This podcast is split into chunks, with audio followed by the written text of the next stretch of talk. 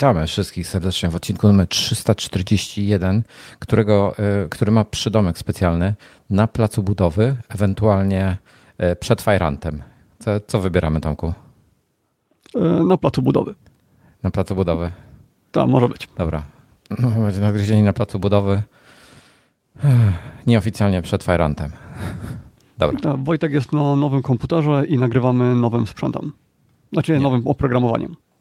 Nie, ta, częściowo prawdę mówi Tomek. No to prostuj. E, jestem, na, jestem na starym komputerze, ale jestem na Windowsie. Co? Jak, jak to się stało? No bo, e, bo nie mam jak Camlinka podpiąć do MacBooka jeszcze. Bo nie mam kabla. Bo nie mam doka. Mm. E, Aha, czyli nie można nawet jakiejś żadnej przejściówki, tak, na USB? Nie, nie mam. Mam jedną przejściówkę, ale, y, ale szczerze bałem się, wiesz? Wolę, y, wolę wymienić kabel. To muszę dokupić to ja kabel mam... chyba do Kamlinka. Nie, nie, ja mam, ja mam podpięte obie kamery przez takie przedłużacze na USB, więc tam jest dodatkowe okablowanie. Nigdy nie miałem z tym problemów. Y, słuchaj, bo chcę tego OWC doka kupić, takiego thunderboltowego. Ale no, wyobraź tych, których sobie, nie ma. jest nie, w ogóle niedostępny. Może w styczniu będzie, więc mhm. czekam. E, ale tymczasem w zasadzie e, w zasadzie jest, e, jest trochę nieużyteczny dla mnie pod, pod względem kamlinkowym. No ale zobaczę jeszcze przez jakąś przejściówkę czy coś, ale bałem się, że to będzie, wiesz, niestabilne bez testów. Nie chciałem w ogóle jakichś, mhm. jakichś takich rzeczy robić. Poza tym mam drugi problem. Jak się okazuje, E, OBS dalej nie jest przekompilowany na M1, więc działa przez rozetę, ale problem jest taki, że można sobie go przekompilować samemu. E, natomiast e, jest inny problem z OBS-em na Apple Silicon. Nie ma browser source. Browser source nie działa.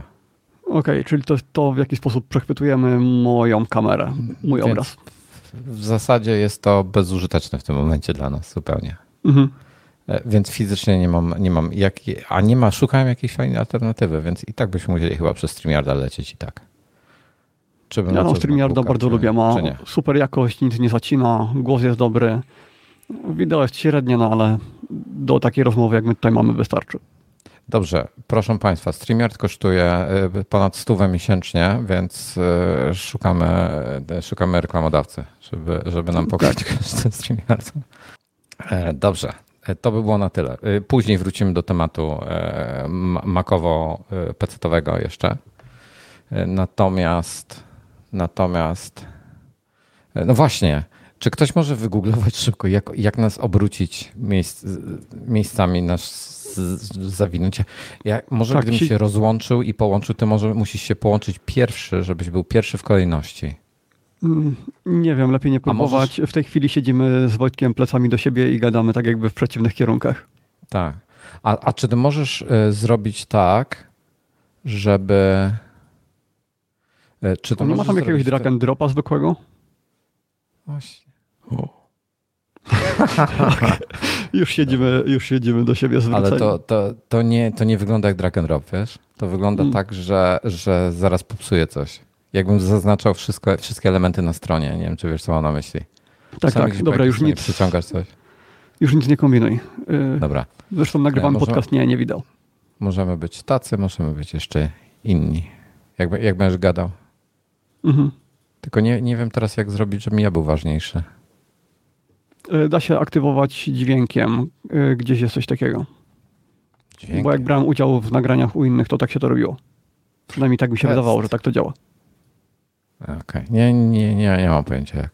To jest jakiś picture. Dobra, bo później będziesz miał dużo do cięcia w, na ścieżce audio nie, do to podcastu. zostawię, to, dlatego to jest na, na placu budowy. To, to tym bardziej już nie kombinuj, tym bardziej wracamy do tematów.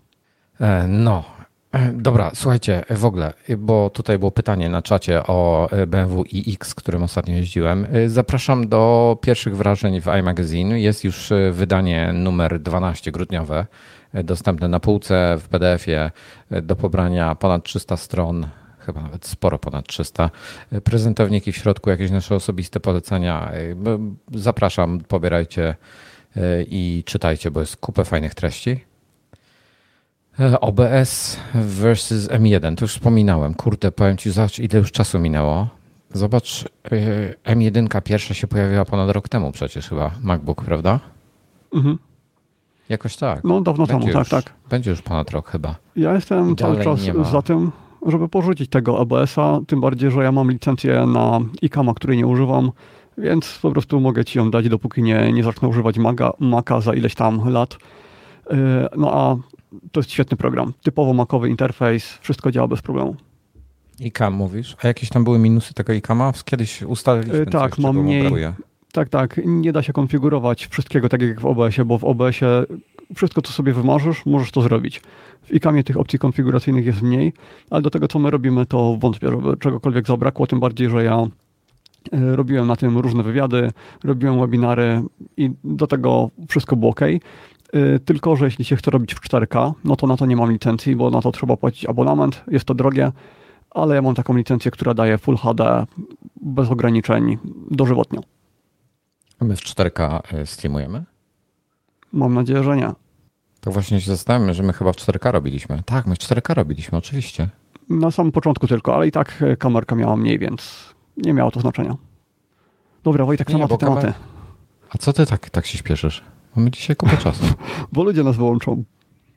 Nie, no mamy kupę czasu, to jest, to jest spokojnie. Ja, wydaje mi się, że nie w ogóle najpierw się. powinniśmy wytłumaczyć, czym jest OBS i wcześniej też czym jest Camlink, bo y, jak ktoś nigdy nie robił żadnego streama, to nie będzie miał zielonego pojęcia, o czym my gadamy. A, mo a możesz napisać Tomas z dużych liter? Mm, mogę spróbować. To się edytuje. E, mhm, tak, mam, mam. Edit name na swoim awatarze. Tak. Dobra, generalnie, generalnie my streamujemy w ten sposób, że mamy OBS Ninja. To jest zupełnie nic nie ma wspólnego z OBS-em.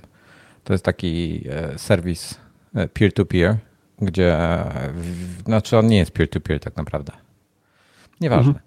Jest to taki serwis, gdzie my się widzimy i sobie możemy za darmo czatować. Jest e, open source'owy i, i działa w miarę przyzwoicie i my te wszystkie źródła wideo zaciągamy sobie do takiej aplikacji, która jest OBS, a OBS wysyła to wszystko na YouTube'a i wy nas wtedy widzicie.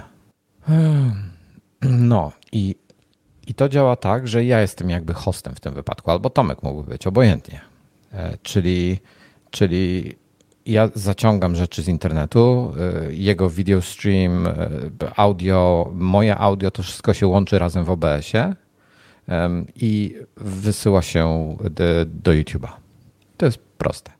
Ale StreamYard jest jeszcze prostszy, bo, bo my się razem łączymy z jakimś tam serwerem gdzieś na świecie, nie mam pojęcia gdzie, i e, wysyłamy do niego e, nasze wideo i on wysyła to na YouTube'a, ten StreamYard, ten serwer.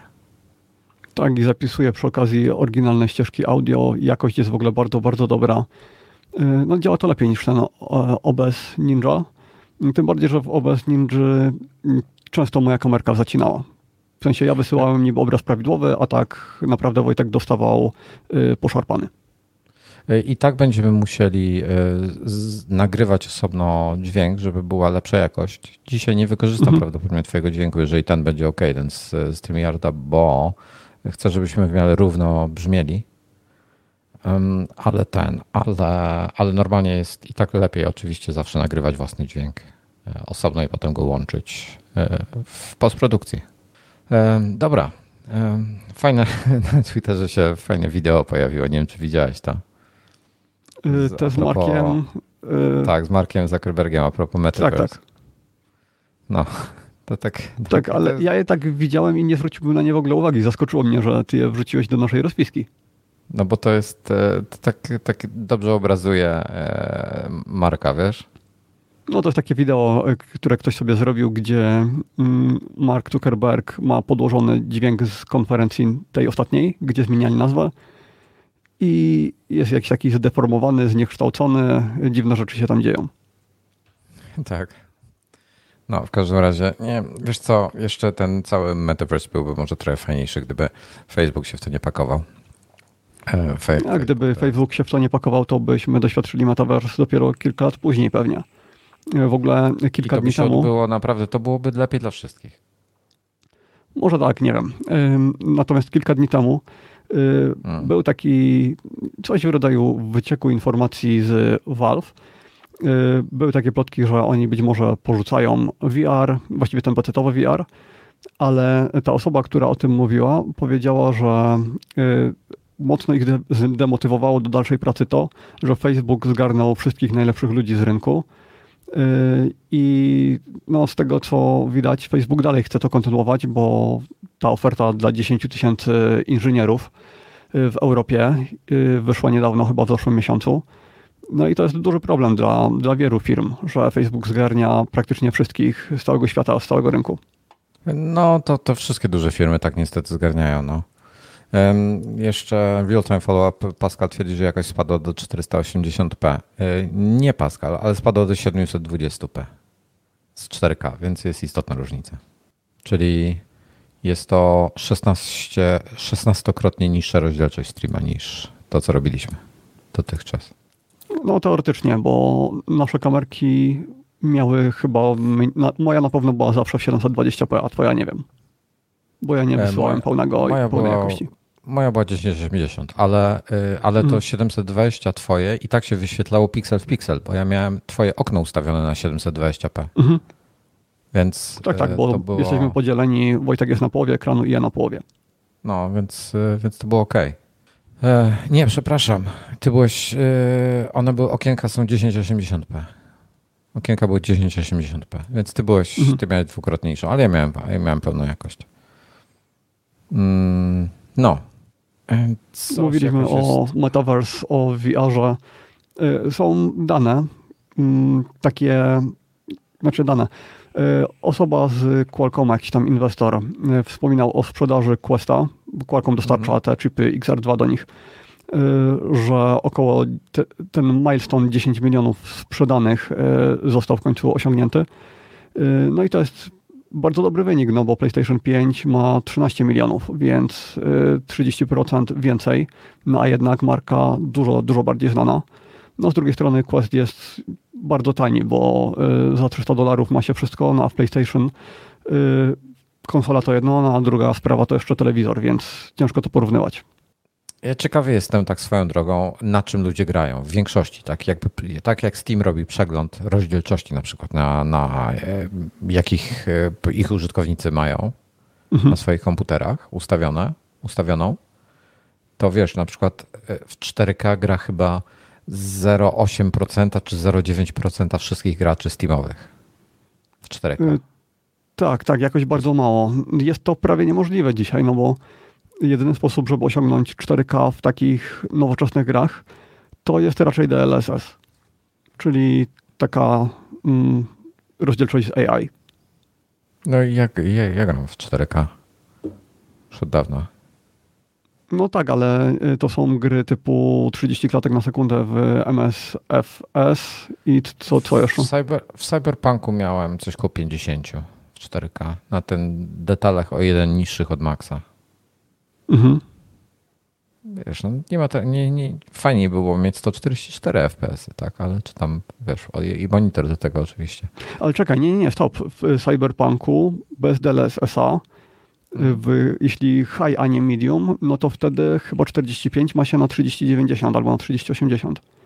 Myśmy nie, chyba obaj nie. grali w 1044, bo ja pamiętam, że ja gram na początku Full HD, ty grałeś 1440 i ja wtedy no. stwierdziłem, dobra, to spróbuję i jakość wtedy była dużo, dużo lepsza między tymi dwiema rozdzielczościami. Może, może to było, może źle pamiętam. Y, teraz jestem pewny, bo ja w, y, w 1080p na tej samej karcie graficznej co ty grałem w 60 klatkach, a po zmianie na 1440 musiałem przeboleć 45.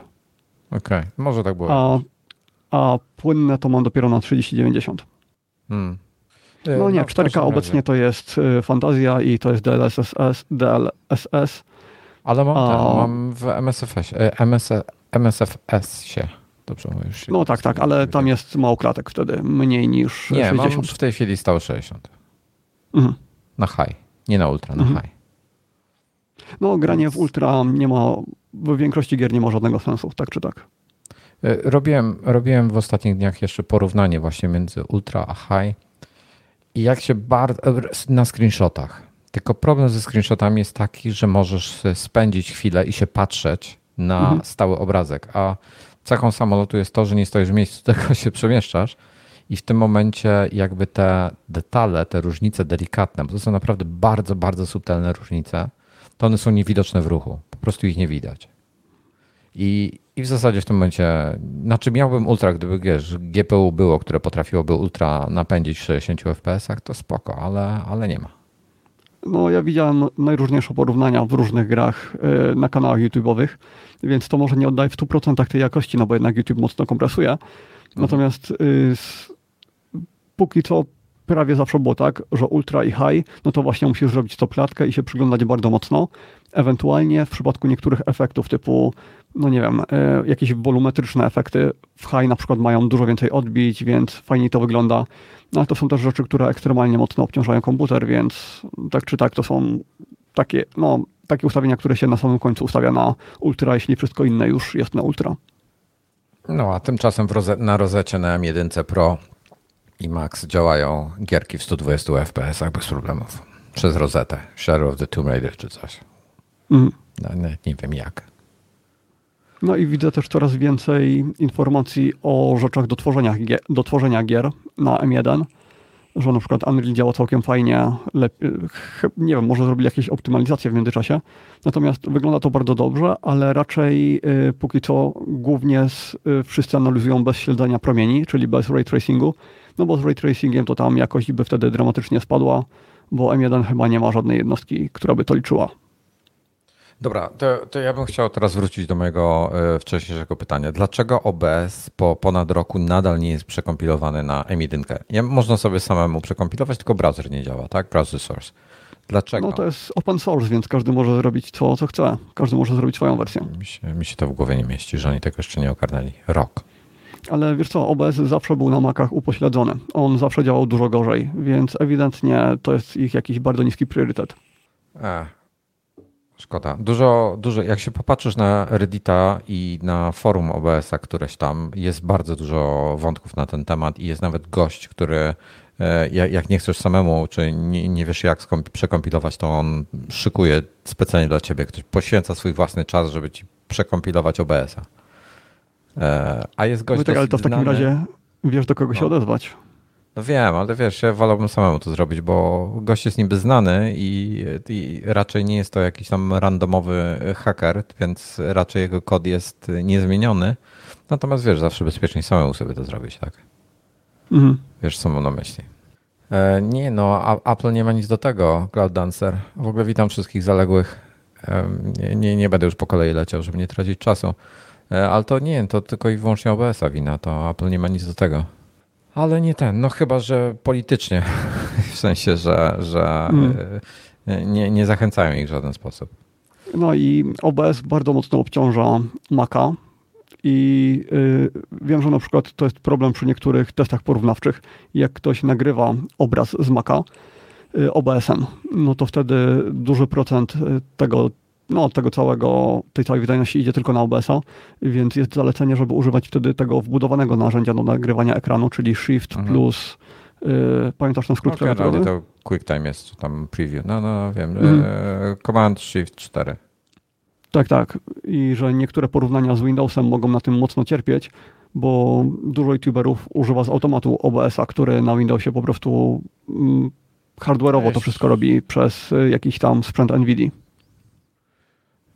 Ale wiesz co, powiem ci tak, e, ludzie, to tak już skoro w tym temacie, ludzie się jakoś zachwycają tym NVENC, tak, który jest. E, nie widzę żadnej różnicy Mówisz o tym kodeku, tak? wydajnościowej tak? między mhm. encoderem a AMD. Takie same straty, takie same obciążenie procesora, takie same obciążenie GPU. Mhm. Nie, hmm. nie ma różnicy. Znaczy obciążenie e, CPU to jest chyba gdzieś tam w okolicach 1%, prawda? Czyli no praktycznie no. zero. Mhm. No w rejonie procenta i to samo jest na AMD. Nie mhm. ma różnicy. E, tylko e, utrata FPS-ów przez OBS-a, jak grasz i streamujesz, jest spora. Bo jest to około 10 FPS-ów. Przy takiej, wiesz, gdzie karta mhm. jest wyżułowana, ciągnie ci 60 FPS-ów, ale tak na styk masz 60 FPS-ów. Odpalasz OBS-a, masz 10 e, FPS-ów mniej. I teraz obczaj, jaki e, ludzie narzekają na drivery AMD. NVIDIA są gorsze. O tak nie. dzień dobry. moje doświadczenia z AMD już, już są fatalne. Mhm. OBS, jeżeli odpalisz OBS-a i masz włączony audio mixer, czyli dosyć istotny element OBS-a, ale masz widoczny, czyli to się dock, to jest dock item. Jak masz włączony e, e, mikser OBS-a, to Nvidia e, traci połowę FPS-ów. Nie 10, nie 20, połowę. 50%. Mhm. No ale to ewidentnie wyłączysz... jest bug, to ewidentnie jest bug OBS-a, a nie, mm, a nie AMD tego buga nie ma. No, no tak, tak, ale ewidentnie wiesz, to wynika z aplikacji, a nie z tego, że Nvidia powinna coś optymalizować pod OBS-a. Nie wiem, teraz tak. Sprawa wygląda w ten sposób, że jak tego, e, ten mikser zamkniesz i go z powrotem otworzysz, to już jest ok. E, mhm. Drugi bug e, NVIDIA, ten overlay, mają ten taki overlay, gdzie pokazuje ile jest FPS-ów. I wyświetla 30. To jest nieprawda. Nie ma, bo, bo, bo jest inna, inna wartość. On stałe 30 tam wyświetla. Mhm. Nie wiem skąd No to, to prawda, lepiej używać innych, innych nakładek i jak robią testy, to używają innych. A powiedz mi, czy ty już masz tego 3080 Ti, czy czym ty w ogóle masz doświadczenia z Nvidią? Porozmawiamy zaraz o tym, to później, to w głównych tematach będzie. No, no i, i, i, tak się ludzie zachwycają tym, tym, tą Nvidią i powiem ci, że ja nie widzę te, czym się zachwycać nad AMD. Oba y, rozwiązania mają swoje problemy i bugi. I kurde, i siedzisz potem godzinę i się zastanawiasz, dlaczego masz tylko 30 FPS-ów, a się okazuje, że kurde, audio, pomyślałbyś, że to, że się wyświetla ci audio mixer 50 FPS, znaczy 50% FPS-ów obcina, to jest No nie, ale też nigdy nie posądziłbym o to Nvidia, tylko OBS-a. Mm, ale no, wiesz, ja jeżeli, dość... to działa, jeżeli to działa ci prawidłowo na AMD-ku, mhm. to pytanie, czy Nvidia coś źle przetwarza, czy OBS coś źle. No AMD jakoś to ogarnia, tak? Więc dlaczego Nvidia tego nie ogarnia? Mhm. No, dla mnie przesiadka z AMD na Nvidia to był niesamowity skok jakościowy, nie tylko jeśli chodzi o wydajność, no bo karty były innej klasy, ale właśnie też jeśli chodzi o stabilność pracy, o to jak, y, jak aplikacje współpracują z tym, jak, jak sobie przypomnę problemy z renderowaniem w Blenderze na AMD, a mhm. jak to wszystko fajnie mi działało później na y, NVIDIA, tak samo w Autodesk Maya, Y, albo ta technologia DLSS, która y, w AMD nie istnieje. Znaczy, no teraz już mają namiastkę tego. Dobra, przypomnij mi potem, żeby. Nie, to porozmawiamy o tym później. I przypomnij mhm. mi. Dobra, po, później o tym porozmawiamy, bo to mam, mam, będę miał pytania. A to może po prostu zajmijmy kolejność i teraz lecimy z tym tematem, a później. Nie, bo to jest follow-up. Follow Tam to jest jako temat. To jest nowy temat. To jest. No dobra. Inwazja. Słucham cię. Y tak. Nie, nie oglądam, więc nie spoileruj mi. No nie, nie, tak czy tak nie chcę spoilerować. Ja myślałem właśnie, że ty oglądasz, że już jesteś na ostatnim odcinku. Nie, zacząłem w tej chwili oglądać. Mogę, mo może to być e, odcinek e, explicit? Ja yy, powiem cztery no, słowa. Ja powiem cztery słowa i ty musisz odgadnąć, jaki serial oglądam. Podpowiem, że na Netflixie. No dobra, dawaj. Mierda, pendejo, puta madre. Yy... No to albo ten me, e, e, Narcos. Dziękuję. aha, już zgadłem, tak, okej. Okay. tak. No, szybko poszło. No, wszyscy mają na imię Puta w tym filmie. E, ja, ja, tego prequela muszę zobaczyć. Na razie zobaczyłem ten główny serial, ale to, co się działo wcześniej, to dopiero jest przede mną. Na czacie też zgadli, że Narcos. Dobra, inwazja. E, dobra, to ja tylko, przepraszam, tylko dokończę, dokończę. E, Narcos, zorientowałem się, bo oglądaliśmy różne inne seriale, między innymi Mr. Robot, ale na drugim sezonie wymiękliśmy w połowie, bo jest strasznie przynudzający ten serial. Drugi, początek, przynajmniej pierwsza połowa drugiego sezonu. Więc e, przenieśliśmy się na razie na Narcosu, bo zobaczyłem, są, pojawił się, że nowe odcinki są. I okazało się, że to są nowe odcinki trzeciego sezonu. Narcos Mexico oczywiście, czyli Mhm. E, de facto pierwszy sezon Narcos Mexico to już to, to, to jest kolejny serial po narkosach tych z Pablo Escobarem. Tak. I ja nie pamiętam ile sezonów było Pablo Escobara. Jeden czy dwa? Czy trzy? Dwa chyba. Yy, chyba dwa. Chyba dwa, prawda? No, to teraz to już jest trzeci sezon teraz Narcos e, Mexico, my jesteśmy na drugim. Yy, zacytuję teraz czat, a Wojtek miał już nie płacić za Netflixa. Ale e, Artur, ale kurde, ale włączyliśmy Mr. Robot i miałem skancelować, ale e, moja żona się zainteresowała Mr. Robot, znaczy ja ją zainteresowałem Mr. Robot i tak jakoś został na razie. I, a potem, no tak a po Mr. Robot stwierdziłem, że już kanceluję, ale potem znaleźliśmy Narcos Mexico, więc te, po Narcos Mexico. No to ja tak miałem z Amazon Prime. Na początku i tam, nie wiem, rok temu byłem strasznie zawiedziony ich aplikacją, jak działała i anulowałem, ale wyświetliło mi się, że jest nowy sezon Boscha, czyli serial, dla no, no. którego ludzie kupują Amazon Prime'a. No i dałem okay. jeszcze jedną szansę i tak już zostałem i opłacam od tamtej pory miesiąc w miesiąc. No a teraz jest Prime, Ojej. więc już tak no, za darmo. No ja tego Prime'a. A ty masz polskiego Prime'a czy tajlandzkiego Prime'a? Tak, mam, mam na Polskę, więc tracę te dostawy za darmo, no ale dla samego wideo warto to zrobić. E, przepraszam, Sławomir Karwala pisze, że przymierza się do LG 27 cali 850, coś tam bla bla bla. E, to jest UHD 4K IPS. E, Sławku, zainteresuj się nie 850 na końcu, tylko 950. To jest lepszy, z tego co pamiętam. I, Inwazja. chyba znacząco. Proszę? Inwazja. Inwazja, tak, tak, słucham cię. tak.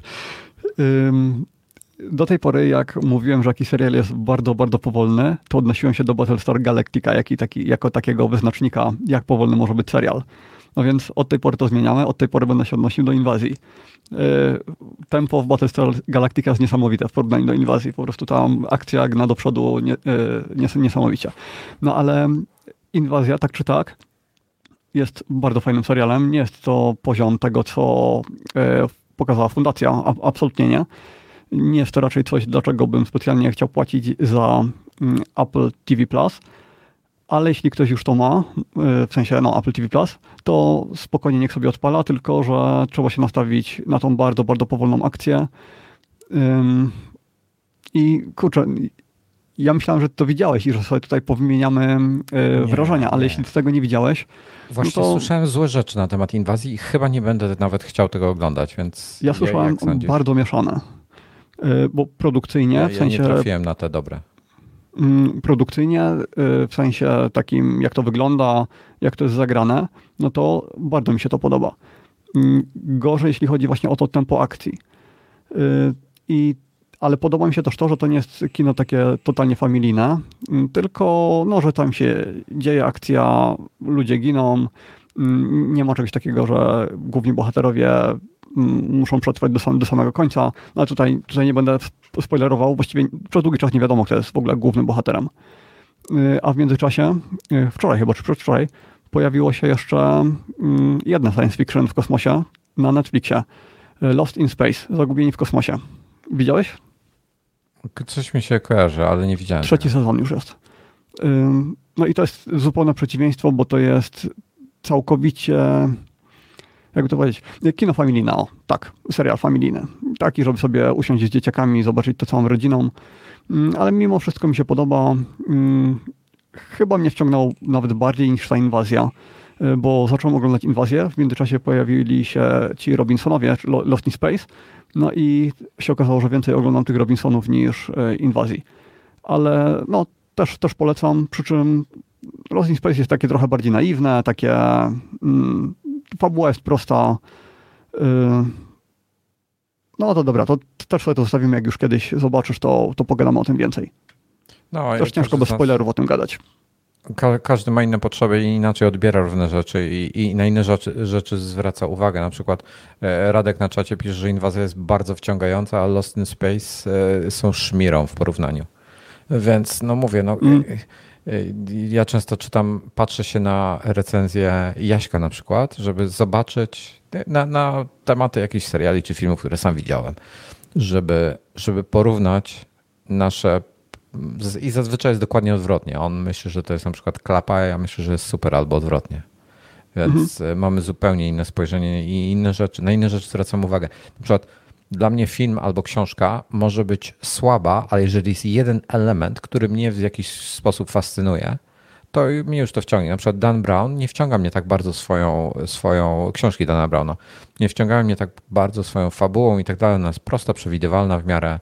Y, dla pierwszego, wiesz, jak się pierwszą książkę podnosi, to, to być może blask przyćmi to i, i, i człowiek nie zwróci uwagi na, na to, jakie to jest proste Natomiast jak już czytasz wiesz, kolejną i jest e, te, ten sam schemat, To jest to w miarę, w miarę powtarzalne i, i zauważalne. E, natomiast mnie, ja bardzo lubię jego opisy e, tych, tych miejsc, które on opisuje. E, to mnie, mhm. to mnie wciąga w jego książkach, więc lubię dlatego czy, czytać. Także wiesz, no, każdy na coś innego zwraca uwagę, więc dla mnie jakby no to i... jest mega plus dla tej książki, bo bez tego nie, byłaby słaba. No i ja tak całościowo to w sumie zgadzam się z Radkiem, że zagubieni w porównaniu z inwazją są szmirą. Może nie, nie aż tak, ale że inwazja jest lepsza całościowo niż yy, zagubieni. No bo tym bardziej, że zagubieni mieli dość słaby drugi sezon. Yy, w trzecim jest trochę lepiej. Yy, no ale nie jest to taka wartość produkcyjna, takie, takie widowisko jak y, inwazja. No, na pewno nie. Właśnie dostałem linka, e, że mam sobie kupić 20-gigabajtowy, 20-terabajtowy SSD, no, e, HDD nowy od Seagate'a, 20 terabajtów. Ile to dostępny. kosztuje? Nie, wiesz co, w ogóle e, ceny, to jest, nie, nie mam tego w tematach, ale już skoro się pytasz. Wczoraj patrzyłem na cenę dysków i poszły do góry ostatnio. W ciągu ostatnich tam dni czy tygodni poszły dosyć mocno do góry. W tej chwili na przykład czteroterówka, czteroterówka, tylko czteroterówka E, do NASA, czyli WD Red Pro, czyli 5400 obrotów, więc niezbyt szybki, ale wytrzymały dysk. Tak, i bardzo cichy. E, ponad 600 zł. Czterotyrówki. Hmm, to one mocno zdrożały, bo ja kupowałem A. takiego Reda w zeszłym roku. Nie pamiętam ile płaciłem, ale na pewno mniej. 500 kosztowały gdzieś, myślę. I to było jeszcze zanim, wiesz, zanim w ogóle ceny poszły do góry, tak? Mhm to było jakieś, e, to, było, to były po jakieś 500, teraz są po ponad 600, e, więc wiesz, potrzebujesz 4 dyski, no to już się robi po 3000 zł, tak? Potrzebujesz 6 dysków, bo masz 6 dyskowy, no to już jest po 4000 zł, także no wiesz, no, gruba, gruba sprawa. No dlatego kiedyś mówiłem, że powoli z NASA się będę wycofywał, bo to jest koszt, który, koszt, który się ponawia co jakiś czas no i tak naprawdę po jakimś czasie trzeba wymienić wszystkie dyski na raz, no bo jeśli się wymieni jeden albo dwa, to nie ma tak jak w Synology, że on sobie jakoś to zmiksuje i się będzie miało więcej miejsca, tylko tyle, ile ma najmniejszy dysk, no to tyle będziemy mieć miejsca w RAIDzie 6. No, dokładnie tak. Okej, okay, czy to już no. jest ten moment, kiedy można przejść do GeForce'a? Nie, nie, nie. A co mam jeszcze w follow-upie? Um, już patrzę. A to twoje tematy. A, no. W ogóle, kurde. Ty, z tym HomeKitem to są jakieś jaja, powiem ci. Bo opisałem wczoraj na iMagu dwa tematy. Pierwszy i drugi, bo w końcu się wkurzyłem, zadzwoniłem do supportu Apple. Jeszcze bardziej się wkurzyłem, bo support Apple w pierwszym momencie zaproponował. Znaczy gość był profesjonalny y, w tym i, i wiedział o czym mówi, więc to jakby jest plus. Mówi, najprostszym rozwiązaniem byłoby skasować cały dom i od nowa go skonfigurować. No ale teraz. No, wiesz, roboty na kilka tygodni, jeśli masz no, dużo automatyzacji. Tak, tak. To jest tak, że dodanie urządzeń to jest jeszcze pół biedy, ale zrobienie wszystkich automatyzacji to jest masakra. I tego nie możesz sobie zbackupować konfiguracji. Y, możesz, jest... na przykład mm, możesz, możesz, tak? tylko trzeba do tego użyć zewnętrznej aplikacji. Y, ja o. znam dwie, które mają taką możliwość i to jest y, Controller for HomeKit. Chyba mhm. for HomeKit, w każdym razie coś tam controller. A druga to jest Home ale 5 Plus jak, czy coś takiego. Ale jak przywrócisz tą konfigurację, to on jest jakby w Home ci się pojawi i będzie wszystko działało? Mm, no, nie wiem, jest, jest to backup wszystkich ustawień HomeKitowych, więc teoretycznie powinno wszystko przywrócić. Natomiast ja no to... sobie robię te backupy, ale jeszcze nigdy nie musiałem przywracać. Okej. Okay. E, to jestem ciekawy. E, to, to fajnie wiedzieć. To nie wiedziałem o tym. To, to jest tak, ten, good news. E, ta aplikacja Home 5 Plus, no. ona jest droga, nie pamiętam ile kosztuje, ale coś może i stówę, może 50 zł.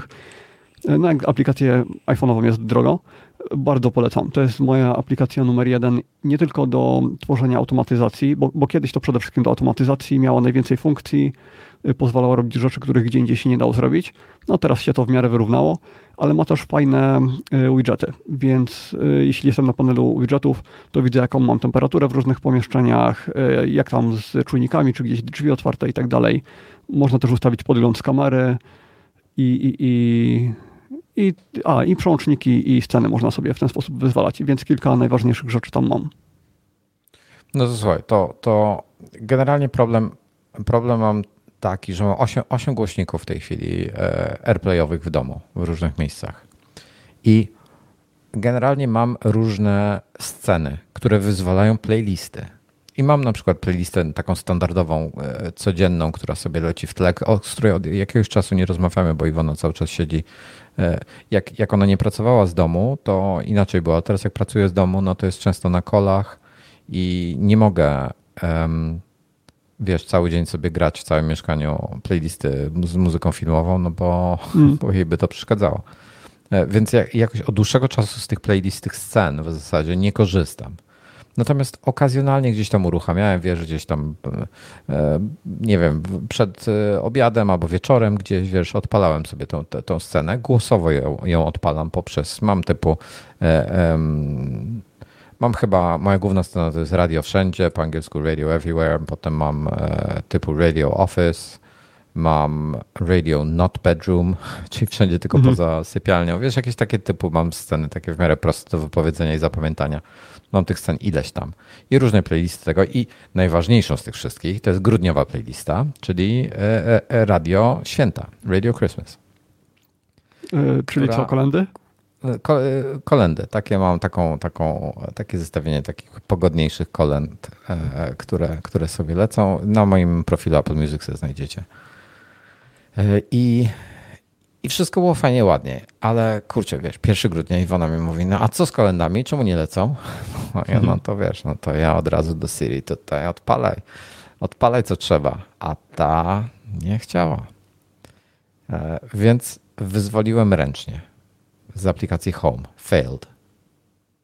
No to wziąłem, e, wziąłem chyba iPada czy iPhone'a, nieważne. Wziąłem tą playlistę, uruchomiłem, e, wybrałem przycisk AirPlay i zaznaczyłem wszystkie głośniki po kolei. Poszło. Wszystko fajnie, ładnie. Git. Działa.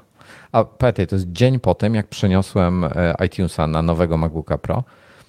Nie wiem, czy to ma cokolwiek wspólnego. Być może, być może nie. Ale nieistotne.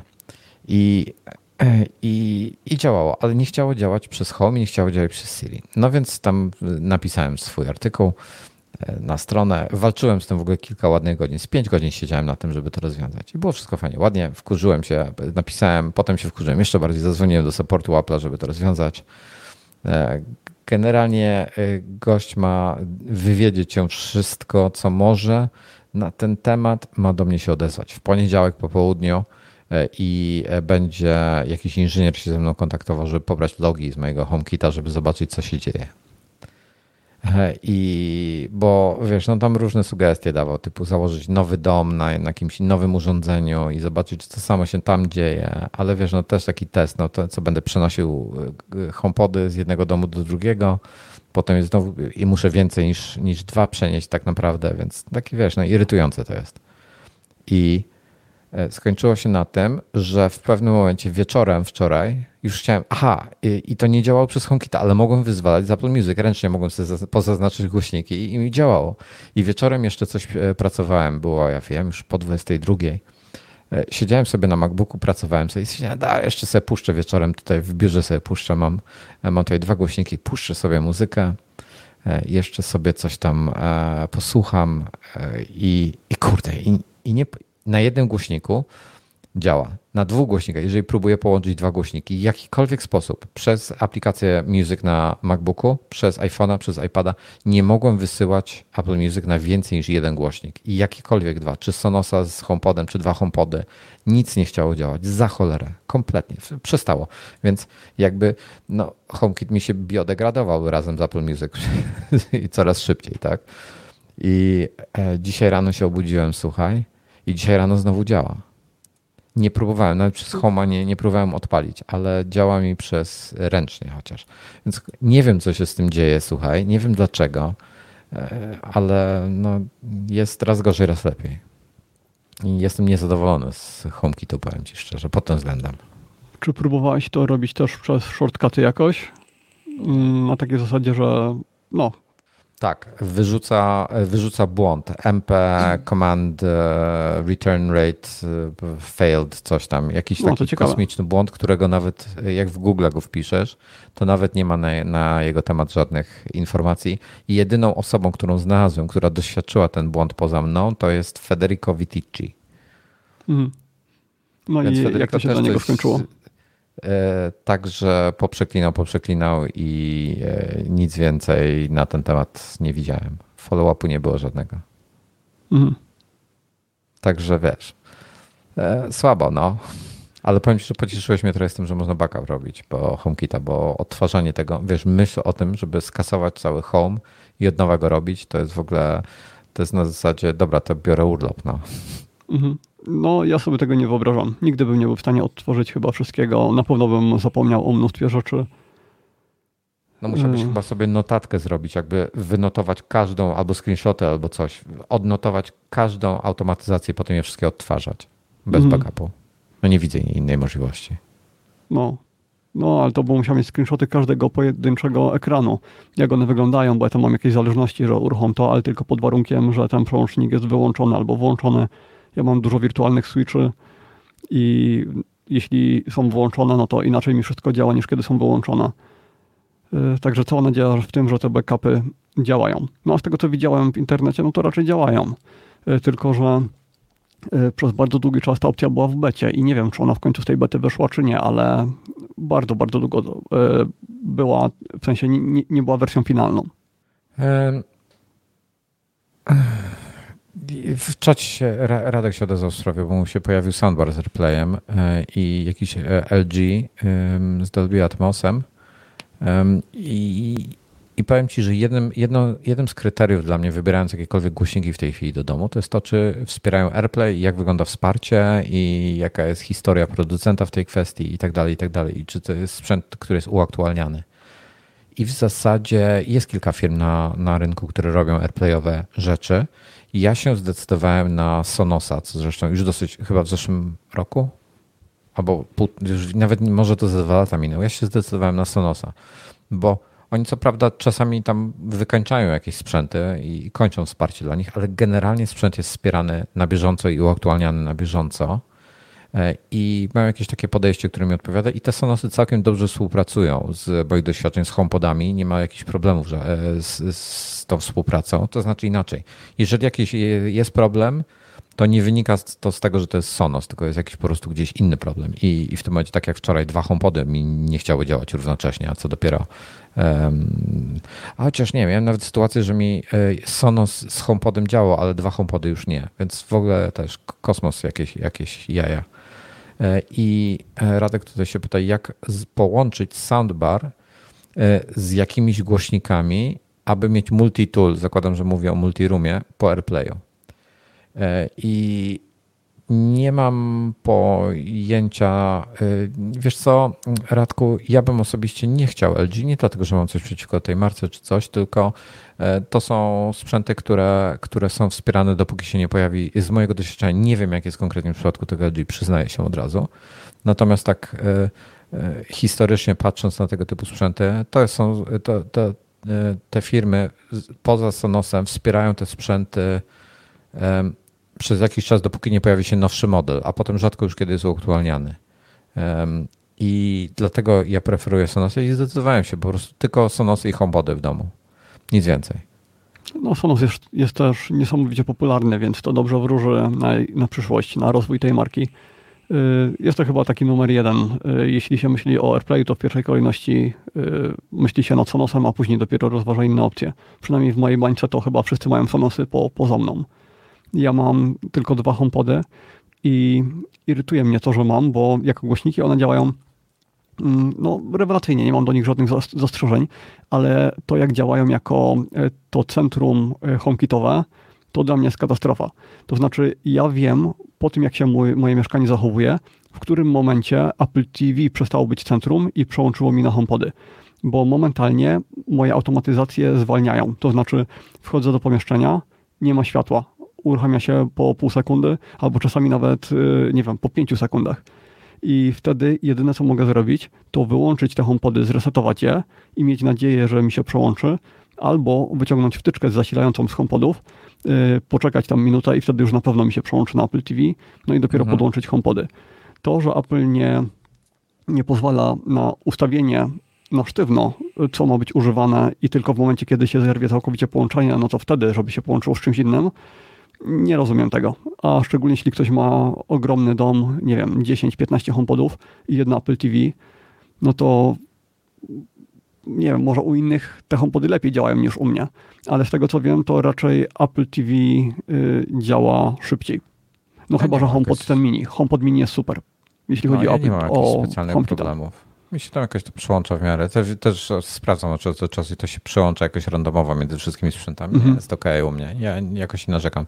E, czyli ja sprawdzałem na różnych routerach, tak. na różnych moich sieciach i niestety, ale zawsze mam tak samo.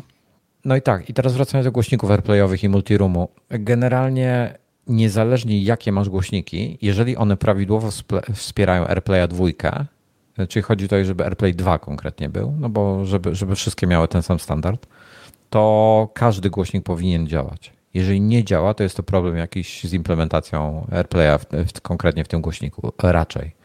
E, więc AirPlay jest w miarę standardowy, jeśli chodzi o tego, więc każdy głośnik powinien e, działać w tym momencie w multiroomie, bo to i tak obsługujesz albo przez HomeKita, albo przez e, aplikację Music, albo przez centrum sterowania w iOSie czy iPadOSie.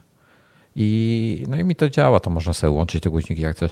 Jedynie brakuje, znaczy jest sposób, żeby wyrównać przez centrum sterowania, możesz wyrównać głośności jednym przyciskiem między wszystkimi, ale brakuje mi jakiejś takiej komendy głosowej, e, żeby to zrobić. Albo jeżeli taka jest, to nie znam jej. A czy możesz sobie ustawić skróty, które by ci na przykład, tak. nie wiem, HomePod 10% albo coś takiego, tak, tak. Tak, I że możesz, ale, ale nie ma potrzeby, bo jest funkcja w HomeKicie, jak tworzysz scenę, masz e, play audio, resume audio i tak dalej, i tak dalej. Potem wybierasz sobie playlistę i potem na dole masz opcję używaj obecnie ustawionego poziomu głośności albo ustaw poziom głośności. Ja mam, mhm. i tam jest su, i się pojawia suwak i ustawiasz sobie tam przykładowo, nie wiem, na 10% załóżmy, tak? I on w tym momencie każdy głośnik ustawia na 10%. I to jest no, tak, tak, ale właśnie pisałem. No tak, ale tutaj się pojawia problem, co jeśli jakiś głośnik gra dużo głośniej, jest właśnie. innym modelem?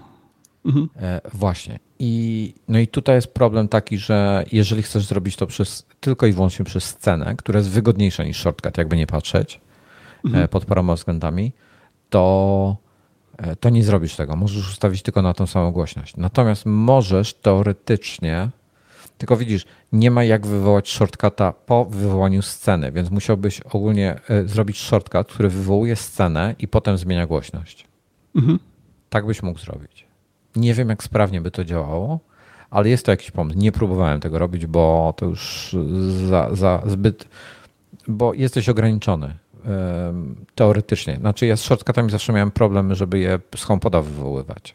Shortcuta. One no tak, i kiedyś działać. na zegarku działały gorzej. W tej chwili już jest chyba. No. W tej chwili chyba wszystko działa. Chociaż ja mam dziwny problem z shortcutami na zegarku. E, na przykład mówię, żeby mi otworzyło mm, zas, e, zasłonę. E, I on się mnie wtedy pyta, czy chcę dać dostęp tej aplikacji z zasłon na dostęp do shortcutów. I klikam, że tak. I on się mnie o to pyta za każdym razem. Y, powinno być tak, że tylko raz. I jeśli to robię na telefonie, jest, no to raz się mem. zapyta i koniec. Jest mem w tym temacie. Czyli jest to popularny po, problem, tak? Tak, tak, powstał już mem. E, e, coś tam z, z, jest ten mem z, z Amidalą i z Luke'em Skywalkerem, e, tym Anakinem Skywalkerem, młodym. E, co oni są na tej planecie, jak oni tam się, e, wiesz, miłostkowali e, u Amidali na, na jej posiadłości, tam gdzieś po tych polach latali. I Anakin, i ona się pyta, Anakina, coś tam się pyta właśnie o shortcuty, a Anakin odpowiada, że tak, że teraz zwiększono bezpieczeństwo i trzeba prosić o pozwolenie na dostęp. I potem jest ona, ale musisz, i te, te dwa obrazki z Amidalą, ale musisz prosić o dostęp tylko raz, prawda? Prawda? I tylko wiesz, e, e, ten Anakin na końcu bez komentarza. Także znany, znany, znany błąd. Mnie to na tyle irytuje, że przestałem używać zegarka do tej funkcji, a kiedyś to tylko zegarka używałem. I zrobiłem sobie tak, że teraz mam w widgetach e, i sobie klikam na widgetie. Hmm. Dobra, czy to jest Nie ten wiem. moment, kiedy nadszedł temat z Nvidią? A, a co cię tak ciśnie? To no bo podejrzewam, że kupiłeś yy, GeForce RTX-a. E, no właśnie, słuchaj. Dobra, to jest tak. Um, przełączniki i czujniki. A, co, a co, co miałeś na myśli w temacie przełączniki i czujniki HomeKitowe? Nic, to jakoś tam pomyłką trafiło. GeForce. To nie ma nie, nie istoty GeForce. Nie, nie. A, a, a że Apple idzie do sądu z NSO Group? Nie, nie, nie, nie to też, to tam sprzed trzech tygodni chyba. A, a Cyber Whistle? Znaczy, znaczy w ogóle to ty dałeś ten temat, od tego trzeba zacząć, że to, to nie jest mój temat, tylko twój. Ale cy, cybergwizdek jest twój. Tak, cybergwizdek mój, ale to tylko taki news, że y, Elon, jako że premiera Cyber, y, Cybertrucka się opóźniła już kiedyś tam dawno, dawno, y, teraz wypuścili przynajmniej gwizdek w kształcie Cybertrucka. Cybertruck to się nazywa, prawda? I ten, no, no. no, no, no. Rozeszł, rozeszły się w moment. W tej chwili można, bo one były chyba za 50 dolarów, Y, w tej chwili można je kupić na eBayu za setki złotych. Tam no, wielo, wielokrotnie przewyższają ceną y, tą cenę MSRP, dlatego że one były limitowane. Więc jakbym wiedział, to pewnie sam bym kupił. Nie wygląda to ładnie, ale wiadomo, że to jest przedmiot taki kolekcjonerski, który będzie bardzo zyskiwał na wartości pewnie. A oni, oni codziennie coś wypuszczają. Dzisiaj widziałem jakaś bluza wyszła, czy wczoraj. No ale wiesz tam, bluza Też to... limitowana. Bo to oni tak no, adwentowo wypuszczają, w sensie codziennie do, do świąt chyba codziennie jakiś jeden produkt. Mhm. E, no, e, nie, nie jakoś. A to ja w ramach cybergwistka, bo cybergwistki się wyprzedały, więc zamówiłem sobie szmatkę od Apple'a. Na pocieszenie. Za 99 zł, tak? Tak. Nie, dobra, powiem ci, dlaczego zamówiłem sobie tą szmatkę. Mhm. E, bo jest taka firma, która się nazywa Radtech i oni, to jest sklep po prostu w Stanach Zjednoczonych, internetowy chyba tylko, który sprzedaje różne akcesoria ale robią trochę swoich własnych produktów. Mają parę rzeczy przez siebie brandowanych. Nie wiem, czy y, y, co oni tam mają dokładnie, jakieś takie, generalnie takie pierdoły. Natomiast mają jedną rewelacyjną rzecz. Mają jeden produkt, który jest warty miliony dolarów i sprzedają go tylko za dziesiątki dolarów. Mają szmatkę do MacBooków Pro, która jest y, w rozmiarze klawiatury.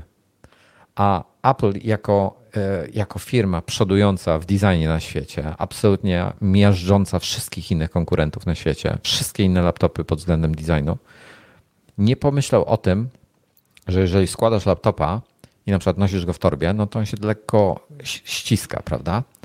Tak, tak. jak tak się dzieje, to klawiatura dotyka do ekranu i w tym momencie ta klawiatura e, z czasem zostawia ślady na ekranie w kształcie klawiatury. No całkiem szybko, bo ja miałem y, laptopa, który był praktycznie komputerem stacjonarnym, a mimo to dawałem radę odbijać regularnie tą klawiaturę na ekranie. No więc rozwiązaniem na to jest położyć szmatkę na tej klawiaturze, żeby się nie odbijała. I mm. oni robią e, szmateczkę w, w rozmiarze klawiatury. I słuchaj, zgubiłem swoją. Miałem do, do tego z 16 roku, bo to jest inny rozmiar. Do tego jeszcze nie robią, a do tamtego zgubi... gdzieś ją zostawiłem po prostu gdzieś w hotelu czy coś. Pamiętam, że wziąłem wtedy, co robiliśmy live'a chyba, co byłem na wyjeździe. E, też przez mhm. StreamYarda, co live'a robiliśmy z, e, Dominikiem. To tam chyba ją zostawiłem, tak, tak myślę, bo nie mogę jej, chyba że gdzieś ją wtryniłem, nie mam pojęcia gdzie, ale nie mogę jej znaleźć. Od tamtego wyjazdu nie mogę jej znaleźć i moim zdaniem ją tam zostawiłem i nie mam tej szmateczki i tak na pocieszenie sobie zamówiłem. Apple'ową. No, ta ci chyba problemu z klawiaturą nie rozwiąże. Nie, nie, nie. Nie, czekam właśnie, aż to się nazywa screensavers. Zamiast jak screensaver się pisze, to bez E na końcu i zamiast S jest Z. I firma się RadTech nazywa. Będzie link w odcinku. I oni robią bardzo fajne, ale nie mają jeszcze do nowych. Polecam bardzo. Są strasznie drogie. Jeżeli możecie złapać kilka osób, chociaż ze trzy, żeby zamówić sobie taką szmateczkę do Polski, bo przesyłka jest droga, bo szmateczka kosztuje typu, nie wiem, 15 dolarów i przesyłka drugie 15, więc e, dobrze złapać kilka osób, żeby rozbić koszt przesyłki. No, w tych nowych MacBookach, skoro ta obudowa jest tak bardzo sztywna, dużo sztywniejsza niż w poprzednich laptopach, to czy wciąż klawiatura się odbija? Nie wiem, ja nie już swojego nigdzie nie nosiłem, więc, mm. więc nie mam pojęcia. A poza tym jest tak drogi, że nie wiem, czy będę chciał go gdziekolwiek nosić. Mhm. No tak. Um, Tomasz używa bibułkę. No ale bibułkę ci, to, to, to odbije ci się przez bibułkę przecież. No raczej tak. Zawsze można butaprenem e, wkleić dwa o-ringi na rogach. No można, no. Ktoś gdzieś, e, ktoś gdzieś e, sprzedaje jakiś taki produkt, taki właśnie gumowy odbojniczek, który gdzieś tam się wkłada w jakieś miejsca i, i ten na zamówienie, ale e, łatwiej wziąć takie silikonowe podkładki meblowe. Nie wiem, czy kojarzysz, są takie okrągłe, takie odbojniki, jakby takie przezroczyste, bardzo niewielkie. Mhm. często gdzieś w kuchni się używa przy szafkach czy, czy, czy coś, żeby nie tłukły. To, to ludzie kleją sobie na, w górnych rogach lewym i prawym ekranu, żeby, żeby ekran nie, nie przystawał do tego. No. Dobra. E, to co? Kończymy. Nadszedł ten moment. E, GeForce RTX Dobra, słuchaj, 3080 Ti. Zanim pogadamy na ten temat, pewnie spędzimy następną godzinę e, w temacie. Ja muszę pójść na sekundę i coś do picia sobie przynieść, bo mi się skończyło. I, i ten, i pogadamy o, o 3080 Ti. Okej. Okay. Dobra? Dobra. Dobra to ja włączę. Awat specjalnie na dzisiaj awatara przygotowałem. Słuchaj. Dobra, ale czyli co, za 5 minut? Tak, tak. tak Jest tu dwa po, no to powiedzmy, że okej, okay, okej. Okay. Nie, szybciej. 3 minuty myślę, że będę z powrotem. Dobra. Jestem. Też jestem. No, ja nie sprawdziłem, czy dzisiaj jestem w głębi ostrości, czy nie jestem za daleko. Ale nic nie mówisz, że jestem niewyraźny, więc nie, chyba byłeś, okay. byłeś wyraźny. Zapraszam do czatu. Ostatni komentarz. Dobra. 30, 3080 Ti. Tak mi wpadł w ręce, wiesz, przypadkowo zupełnie. E, Takie rzeczy się nie dzieją. Więc wymontowałem, e, wymontowałem, da, dałem na Twitterze ogłoszenie, a, a, a, a, a kupię tanio 3080 Ti. I mi Twitterowi złożył propozycję nie do odrzucenia, więc na razie mam 3080 Ti. Ale nie ma czegoś takiego jak tanio 3080 Ti, jak, jak, ale nowe, używane, jak? jak? Nowka, sensie... nowka, nowka sztuka, nieśmigana, niebita. Jakiś tak właśnie chyba spadł z nieba mi przed oknem. E, no, tak, tak, się, tak się ten, tak, tak jakoś wyszło. No mówię, e, od, miał, nie używał, leżał sobie. To mi, to mi dał. No. nie wiem, jak się do tego odnieść. Y, nie brzmi to wiarygodnie, ale zostańmy, zostańmy przy tej wersji. Ja też nie za bardzo rozumiem, dlaczego nie używał. Generalnie nie wiem, ile mogę o tym powiedzieć, ale osoba jest chyba na ten moment anonimowa dla wszystkich, więc chyba mogę powiedzieć tyle, że planował zbudować sobie y, maszynę do montażu wideo w oparciu o to GPU, e, ale skończyło się na samej karcie i to Founders Edition tak w ogóle. Mm. Mhm bo gdzieś przypadkowo ją wylosował na jakimś tam, na jakiejś Bethesdzie czy czymś. Więc kupił po cenie e, tej oficjalnej MSRP. Bo to jest, to jest chyba firma produkująca gry. Tak, tak, tak. I oni sprzedają GPU O, okej. Okay. I e, e, Łukasz chce, żebym jeszcze raz tweetnął dla mnie co. Nie, nie wiem, Łukasz, co mam tweetnąć i o co chodzi. Poza tym jestem trochę zajęty nagrywaniem w tej chwili, więc E, nie, nie, nie wiem, co mam tweet. Nie, nie wiem, o co chodzi. E, no, przepraszam. I, i, e, i miał budować, ale kupił sobie tego. Kupił sobie MacBooka Pro, więc mhm. nie, niepotrzebna mu. Teraz ja jestem poza głębią ostrości. A możesz tutaj zdradzić, czy zapłaciłeś za no, cenę MSRP, czy normalną? E, umowy, e, szczegóły naszej umowy są NDA, ta, okay. tajne. Podpisałem NDA, tak. E, no, także, także tyle. No i zamontowałem. To oznacza też, że nie działa mi, nie działa mi macOS na, na tym komputerze, bo muszę przełożyć, muszę zamieniać GPU, żeby mi działał. No. A nie chciało mi się dzisiaj na nagranie tego robić bardzo, więc E, chociaż nie jest to jakoś kłopotliwe, w sumie dwie śrubki. No, sześć śrubek, bo jeszcze muszę bok obu komputera odkręcić. No i kable podmienić. Restart komputera. Dużo roboty. Kable podmienić? No, do nowej karty wpiąć kable z ekranów. A, no, wypiąć, wpiąć. No, no. no i zasilanie. no, no, właśnie. No, ale to jest powiedzmy 5 minut roboty, tak? Ale, ale nie chce mi się. No, więc, więc tyle. Więc teoretycznie ten obraz. A, no, no to dobra, to słuchaj, więc. E, po pierwsze, zacznijmy od driverów. Są dwa rodzaje. GeForce udostępnia dwa rodzaje driverów. E, I e, powiedz mi, są, są Game Ready, coś takiego. Jedne się nazywają tak. chyba, a drugie się nazywają Studio. Mhm. Tak, ten temat mam przeanalizowany na wylot. No, no to y- weź coś poopowiadaj o nich i dlaczego, y, dlaczego i które ty masz. O, i to, to mhm. opowiedz jeszcze. Ja mam studyjne.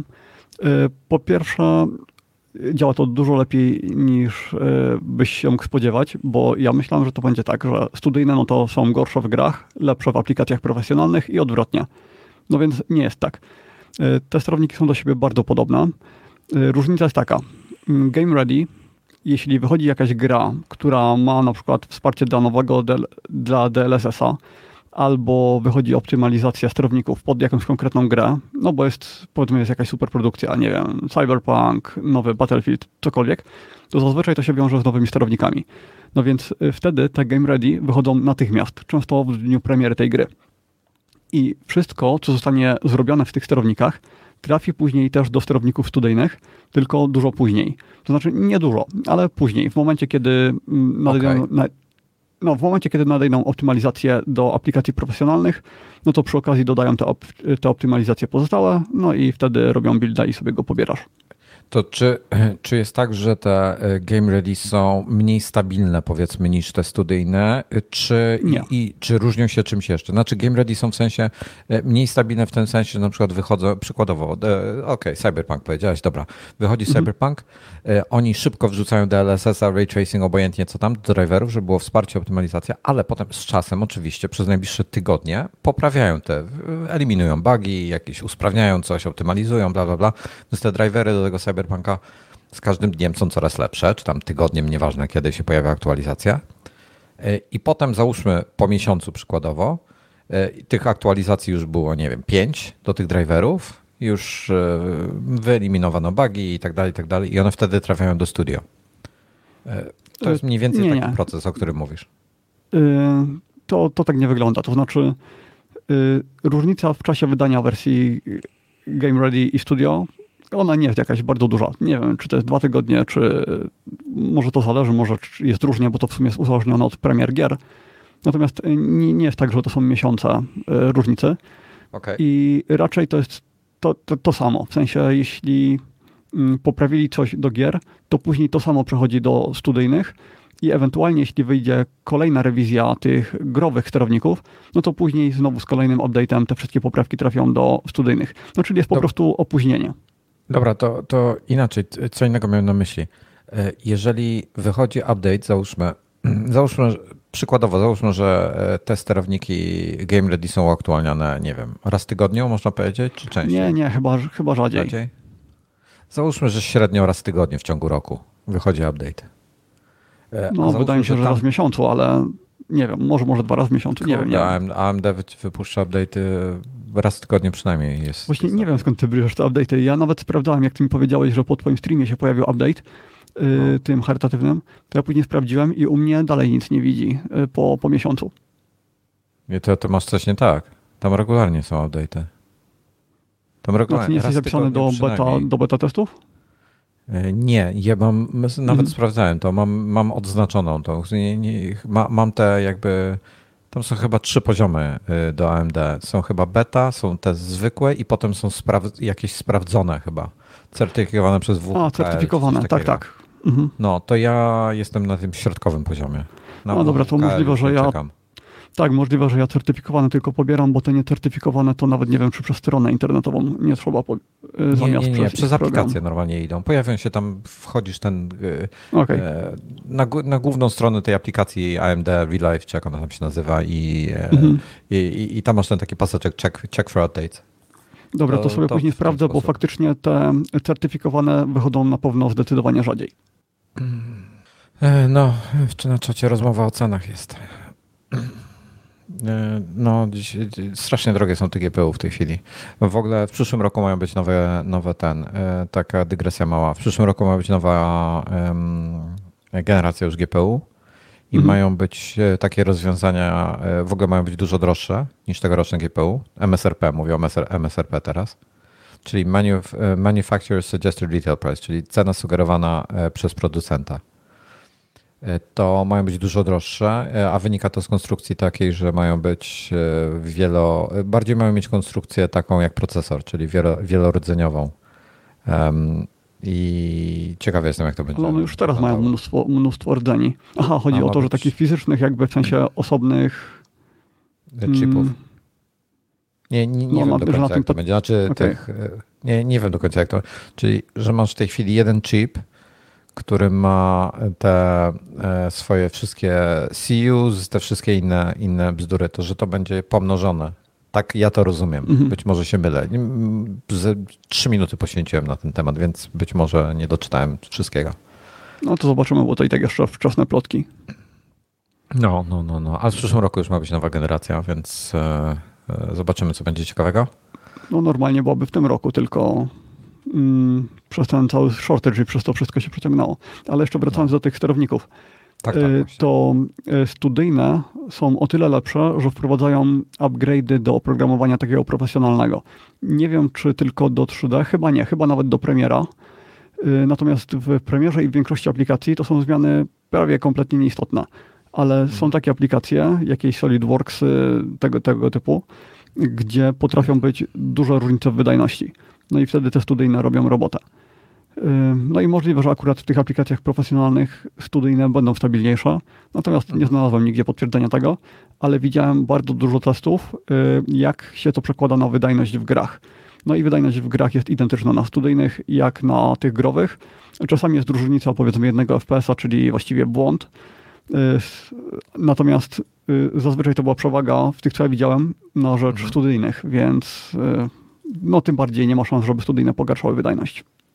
Dobra, to teraz powiem ci, powiem ci jeszcze, e, ok, a czy te, e, czyli jak, jak masz to jakieś tam e, bonusy dla, dla tych, jak ty to mówiłeś, dla tych aplikacji, takich, nie wiem, jakieś Photoshopy i inne rzeczy, w tych studyjnych, to jak masz growę, to, to, to nie masz tych bonusów, rozumiem, tak? No nie, na gry się to nie przekłada w żaden sposób, bo to są optymalizacje nie, w sensie robione. Tego, tego kodu nie ma, w, czy, czy jest też? Nie, nie, to jest czy... E, optymalizacja robiona pod konkretny program. Na przykład tak, konkretnie wiem, pod czy... Blendera. Ale, czyli Game Ready, te drivery nie mają tych optymalizacji pod Blendera, czy pod Photoshopa, czy pod cokolwiek? Tak, one są tego pozbawione. Okej, okay, o to mi chodzi. Dobra. Tak, ale w tak. większości aplikacji no. nie będziesz miał żadnej różnicy. W tym, co używasz, pewnie będzie zero. E, ja na Windowsie nie używam niczego. No okej, okay, to w twoim przypadku te Game Ready, no bo będziesz miał szybciej, częściej i mhm. szybciej wsparcie do DL, DLSS-a. No. Dobra, to teraz tak. E, jest aplikacja NVIDIA Control Panel. Jak wiesz, ja mam dwa monitory. E, I jest aplikacja w Windowsie, która się nazywa w ramach settingsów. Czekaj, to się nazywało display, coś tam. Display. Change the resolution of the display. I masz taki panel, gdzie możesz sobie zmieniać rozdzielczość. I słuchaj, i w AMD-ku u mnie to wygląda w ten sposób, że wchodzę sobie tam, mam monitor pierwszy, monitor drugi. Nie wchodzę nawet przez, przez ten program AMD, chociaż tam też można w tym grzebać, wchodzę po prostu do ustawień Windowsów i mam wszystkie rozdzielczości dostępne na moim monitorze i wszystkie częstotliwości odświeżania. Mhm. E, czyli w przypadku EIZO jest to do 60 Hz e, i do 4K, tak? Logiczne. Tam trzeba wejść no, tak, tak. zaawansowane. E, I, I równo się wyświetla 60 Hz, 60,0. W przypadku, słuchaj, E, po pierwsze, mój monitor według panelu Windowsa nie wspiera 60 Hz, tylko 59,997. E, chciałbym, żebyś mi to wytłumaczył. Mhm. Nie, no po prostu nie, nie zaokrągla, tej, nie zaokrągla tej liczby pewnie, a w tym drugim miejscu zaokrągla. Ale to nie jest zaokrąglone właśnie w tym rzecz. To, jest, to powinno być równe 60 Hz czyli równe 30 Hz razy 2, czyli równe 60 klatek, czy tam 60 odświeżeń na sekundę, a nie 59,997. No to nie wiem, to ja chyba na Macu zawsze miałem po przecinku podawane. Nie, nie mogłeś mieć. Na Macu? Mm, no, bo kojarzę te wartości po przecinku bardzo dobrze, więc yy, czasem wtedy do... widywałem. Ale to są przy tym, przy jak nagrywasz wideo, tak? Ale to... Nie, nie, chodzi monitor... mi o odświeżanie w hercach, ale nie wiem, mogę się no to, mylić. Ale, ale to jest w Windowsach dla EIZO. Dodam, że pod e, AMD mam 3060. Ale teraz tak, wchodzę w panel NVIDIA, e, czyli aplikacja NVIDIA Control Panel i tam mam ten monitor, wybieram sobie EIZO i mam e, odświeżenie 60 lub 30 Hz. Nie, już nie, nie pod przecinku, tylko prawidłowo. Mhm. Teraz tak, wchodzę na swojego Della w Windowsach wybieram jako, e, zmieniam ekran i tam już mam 60 Hz, a nie 59,997. Mhm. E, dla mnie jest to nielogiczne zupełnie i to, to wynika to bezpośrednio z jakimś problemem z Nvidia. Ja ci tutaj nie pomogę, no bo ja mam w Windowsie wszędzie 60, poza no. Dellem, gdzie mam 59, nie wiem, czy po przecinku coś jest, chyba nie. I tak mam w panelu NVIDIA. Natomiast teraz dopiero to zauważyłem, a nigdy na Windowsie mi się nie pokazywało inaczej. To znaczy, że zawsze miałem, widziałem 60 wszędzie, y, tylko no. z Maca kojarzę te, te inne wartości. No i teraz jest drugi problem, bo um, bo na Dellu, tym moim gamingowym, maksymalna częstotliwość odświeżania to jest 60 Hz, a jak wiesz, jest to 240 Hz Dell. Mhm. I nie, wspiera, nie jest wspierane 240 Hz. A do czego go podpiąłeś? Do którego portu? Mm, środkowego. Mm, tak, tak, ale to jest jakiś DisplayPort, czy czym to jest wpięte? DisplayPort. Oba są po DisplayPorcie. Mhm. A na, na moim 5700 XT idzie normalnie 240 Hz bez problemów. Okej, okay, no nie wiem co tutaj y, doradzić, bo ja nigdy nie miałem tak szybkiego monitora. E, także wygląda mi na to, że e, no jest kicha. Mogę spróbować dodać customową rozdzielczość ewentualnie. Um, hmm.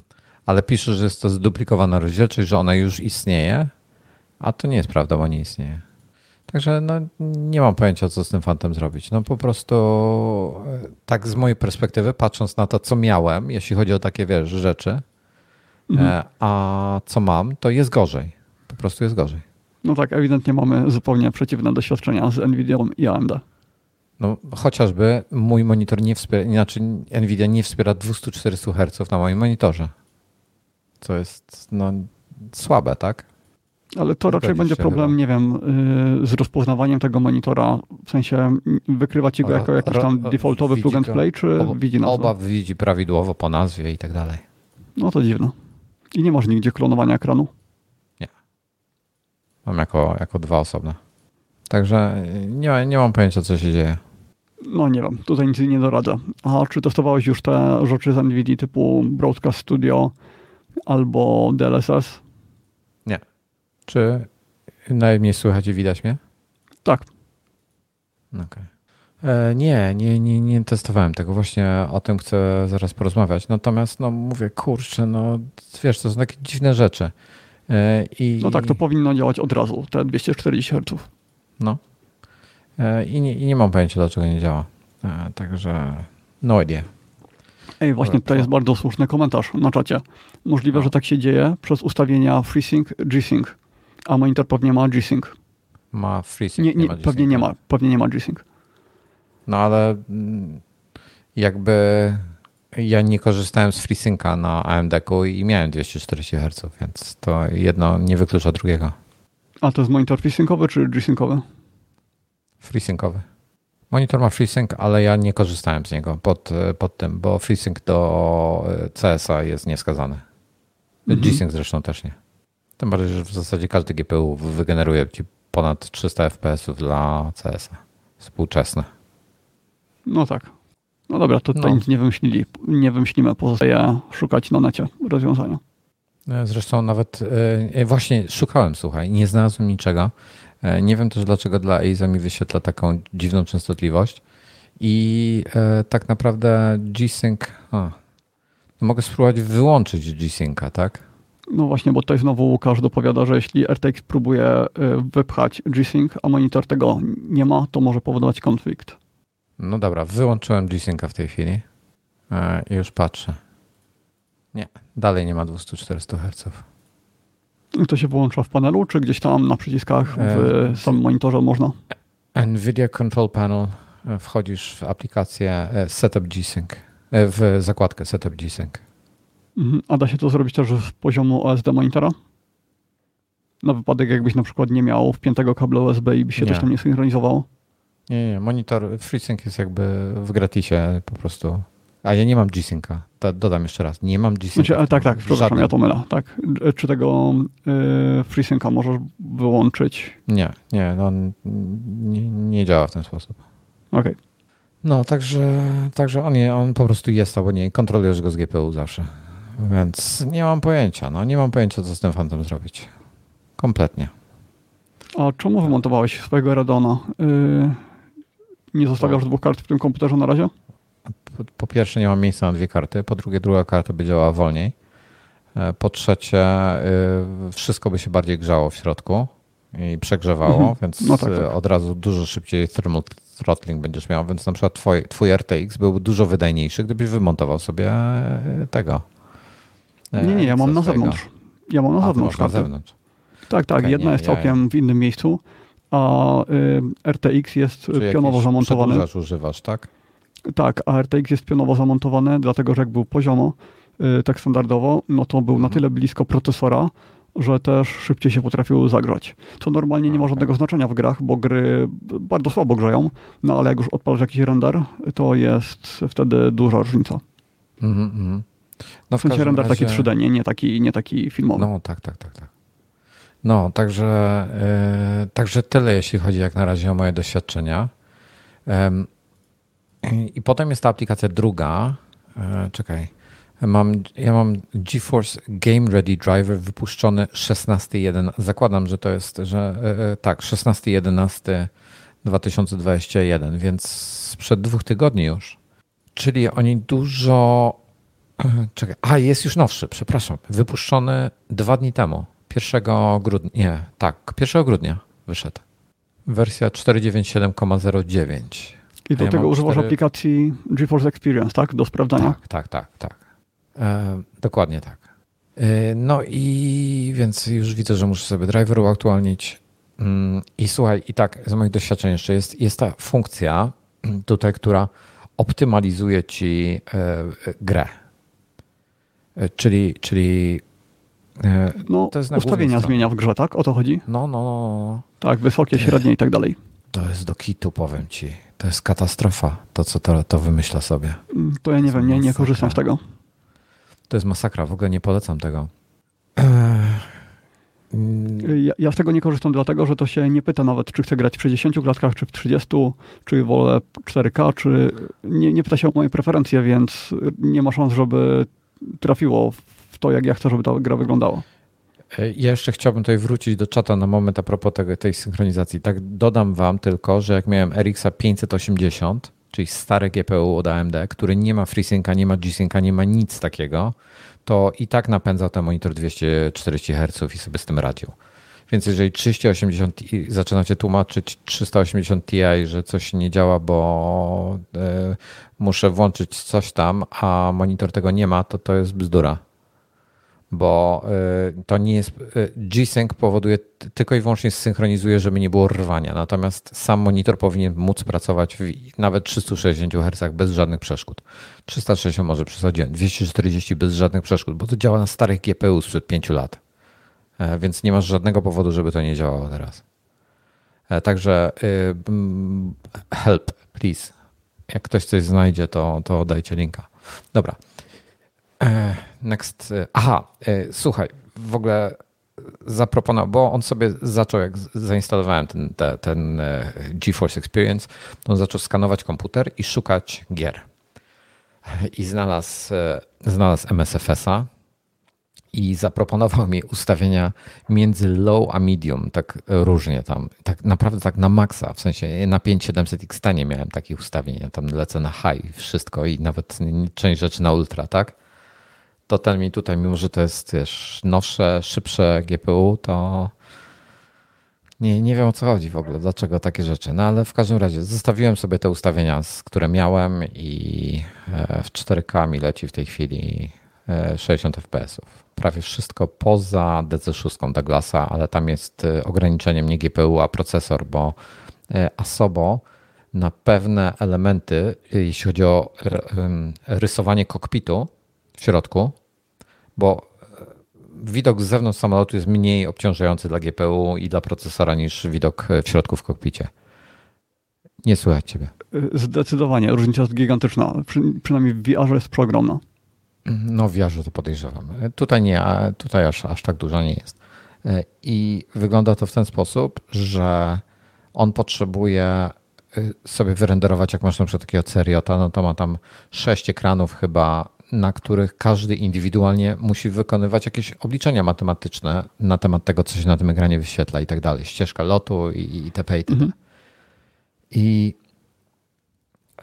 jeżeli wyłączysz na przykład w Seriocie, możesz w konfiguracji wyłączyć dwa ekrany te dla, yy, dla, dla pierwszego oficera, możesz wyłączyć te dwa ekrany po prostu fizycznie, żeby były wyłączone, w tym momencie nie liczą, to odzyskujesz chyba z 10 FPS-ów, czego, o czym się dowiedziałem dzisiaj w ogóle. Yy, I, yy, ale w Seriocie na przykład bez problemu mam 60 FPS-ów. I w DC6 ze względu na ograniczenia MSFS-a on tam jest jakiś, jakieś API, które jest wykorzystywane przez część deweloperów i właśnie PMDG używa, e, jeśli chodzi o cockpit. Nie pamiętam co dokładnie, jakiś renderer cockpitowy i ten renderer cockpitowy jest ograniczony tylko do jednego wątku e, na procesorze. Nie, nie może, fizycznie nie wykorzysta większej ilości, więc możesz mieć 100, 28-rdzeniowy procesor i tak będzie wykorzystany jeden wątek. I i to, to, to jest ogranicznikiem. E, więc cockpit mam ograniczony do 405 fps, 50 czasami. E, natomiast na zewnątrz e, widok DC6 zawsze 60, także w ogóle wiesz, wypas. Natomiast to jest 3080 Ti, ty masz 3080, tak? Nie, 3090. Ty masz 3090. Tak, bo potrzebowałem no to... tego 24 giga VRAMu. Mhm, mhm, do, do 3D. Mhm no to powiem ci tak, to tak jak, e, jak patrzę, w ogóle patrzę, wiesz, e, dużo testów. Próbowałem znaleźć takie testy zbliżone do mojego konfigu. I po, jako ciekawostkę ci powiem tak. E, Piotrek, z którym często latam, ma 3090 właśnie też. Ma jakiś taki fajny, bo ma chłodzone, chłodzone wodą. Mm, I on na przykład na pełnym obciążeniu ma, wiesz, tam już nie pamiętam, czy rdzeń, czy czy pamięci, czy coś ma, ma typu wie, 32 stopnie, tak? No to pewnie rdzeń, bo na pamięciach to nawet na wodzie się nie da do tylu zejść. No więc 30, te, te, to co mam zainstalowane to jest Founders Edition i, i Founders Edition ma jedną gigantyczną wadę. Ale to gigantyczną, to jest moim zdaniem to jest fuck up konstrukcyjny, designerski, większy niż ten z klawiaturami Apple. Mianowicie bardzo słabe są e, thermal pady na pamięciach. E, i temperatura leci bardzo szybko do 90 paru stopni. Tak, I ale one mają limit 106 stopni, więc jeśli mają 90, to tam nie ma się czym przejmować. E, ja się tym nie przejmuję, ale wymieniając same thermalpady, zjeżdżasz średnio o 15-20 stopni na pamięci. Mm, tak, tylko jest problem taki, że tracisz wtedy gwarancję. Mimo wszystko, mimo tak. to dużo osób się decyduje.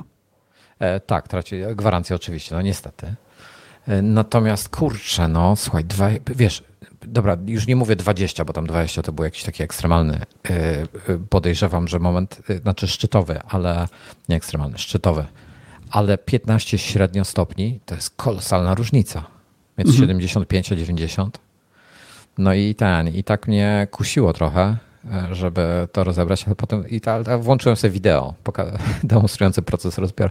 Nie jest jakiś specjalnie trudny, jest, jest czasochłonne, bo trzeba dużo drobnych czynności wykonać, ale stwierdziłem, kurde, ułamie coś. No. Szkoda tej gwarancji. Tym bardziej, że gwarancja jest trzyletnia, więc yy, nawet jeśli przez temperatury coś się uszkodzi, no a pewnie jeśli się uszkodzi to z innego powodu, to, to jest za dużo kasy, żeby tak y, grzebać tym. No, no, no.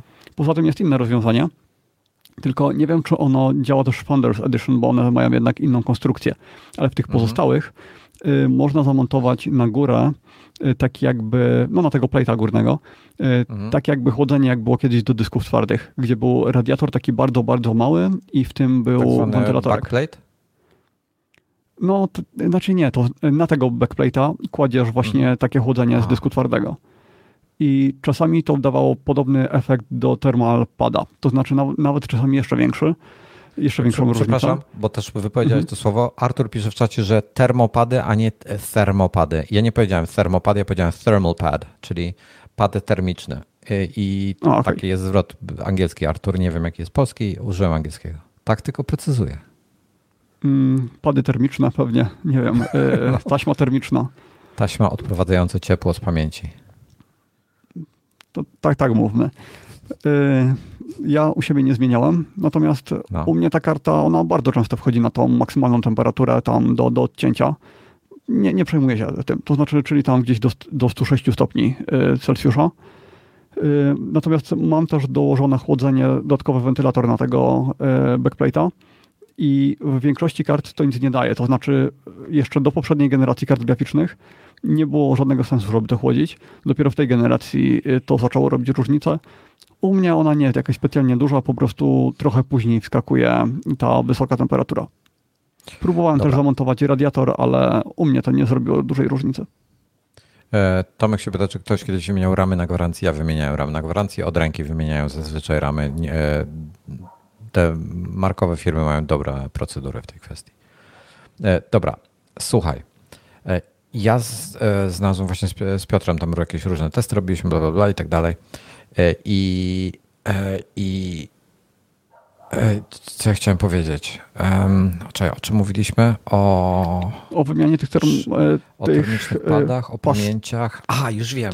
I on mi znalazł, znalazł mi, słuchaj, all-in-one na cooler wodny do mhm. Founders Edition. Jest firma niemiecka, który nie pamiętam jak się nazywa w tej chwili, jakaś kosmiczna gamingowa nazwa, ale całkiem fajnie wygląda.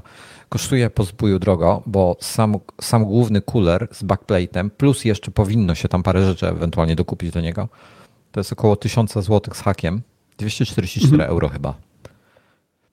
Więc sporo, e, więcej niż 1000 zł będzie. I to jest cena netto, więc pewnie z półtora tysiąca luźno e, wyjdzie. E, I, i jest y, y, bardzo no, fajne rozwiązanie. Nie, nie będę kupował, ale jak ktoś potrzebuje, to jest. Jest też dużo chińskich y, bloków wodnych, no. ale przy tych temperaturach, które tam są, nie, no myślę, że nie ma sensu. To znaczy, to i tak tam nie ma throttlingu, to raczej nie jest tak, że do odcięcia, szczególnie jeśli chodzi, jeśli jest mowa o grach, bo gry naprawdę dużo, dużo słabiej obciążają niż kopanie albo niż rendering. E, no tak, tak, tak. E, nie no, oczywiście. Znaczy, no wiesz, no... Mm, gry się potrafią, no MSFS się wykrzacza już, ale to też trochę wynika z ograniczeniem SFS-a. W ogóle, mhm. E, w ogóle ciekawostka. Dobra, Piotrek ma monitor 1440p, 16 na 9 nie widescreen, czyli tam 2560 na 1440. Czyli ile to będzie procent niższa rozdzielczość od mojego 4K? 70, jakoś tak, jak gdzieś mam w notatkach to popisane, ale... No, trzeba by to, tego kalkulatora wrzucić, żeby Zaraz, ja, ja to gdzieś tutaj, ja to gdzieś zaraz znajdę. I teraz tak, i on ma 3090 chłodzony wodą i tak dalej, i tak dalej. I ma, ja mam 9900K, e, dziś 8-rdzeniowy, a on ma 5900X AMDK, czyli to jest 16-rdzeniowy chyba, jak dobrze kojarzę. Bo chyba Fred Reapery są dopiero więcej. 24 plus, tak? Chyba tak, nie wiem, bo mm, nie wiem, bo y, ten 59-50 jest taki bardzo znany X. A może 59-50 on ma? A ten mniejszy to tak, nie on ma chyba 59-50, dokładnie. 59-50 ma. 5950X. E, Zaraz wam powiem, jaka jest specyfikacja tego procesora. Sorry, ja już nie pamiętam z głowy. Już nie, nie Dobra, a ja w międzyczasie znalazłem moją tabelkę, w której mam rozpisane ile megapikseli to jest, jaki, jaka rozdzielczość. No to 4K, w sensie UHD, to jest 8,2 megapiksela, a 1440p to jest 3,6 megapiksela. Więc różnica jest dużo większa niż e, powiedziałem. Dobra. Na, na czacie w ogóle to. Ja jestem roszczeniowy? W jakiej kwestii, Tomasz? E, Tomasz z czatu. A, o te. Ja nie wiem, o czym w ogóle trwa dyskusja, bo nie, nie śledzę czatu. Przepraszam, jestem, jestem w e, plecy. E, dobra, i on ma 30, czyli ma 16 rdzeni. W ogóle fajną, fajnym plusem tego procesora jest to, że on ma defaultowo 105 TDP w ogóle, 105 watów, tak? W ogóle, mhm. Tak, ale na TDP w ogóle nie, nie, w ogóle bym na to nie patrzył, bo to jest cały czas bez turbo boosta, więc tak, te procesory tak, tak. na tym nie działają. Dlatego defaultowe powiedziałem, e, bo oni mają tam potem ten, nie pamiętam jak nazywają, ten pełny, te, pełne obciążenie, ten jako, jakieś tam TDP. No w każdym razie, nie, nieistotne. E, ale wiesz, e, Intele są generalnie gorętsze, tak, niż AMD w tej chwili. I no więc ma tak, ma nowszy procesor, ma dwa razy więcej rdzeni, Mój nie jest, on kręci swojego chyba, nie pamiętam jak bardzo. Mój nie jest kręcony w tej chwili. 900, 9900K mam w tej chwili niekręcony. Jest stokowo, czyli ja nie pamiętam do ilu on się tam boostuje. Chyba do 5 przy tym takim czterordzeniowym buście, chyba do 5 leci.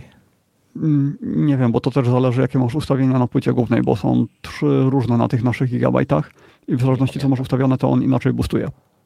Nie pamiętam w tej chwili. Ale jakby nie patrzeć, mam starszy procesor, który ma trochę wyższy boost clock, to prawda, mniej rdzeni. Fakt faktem, że gry nie wymagają wielu rdzeni akurat, więc to, to jest teoretycznie minus.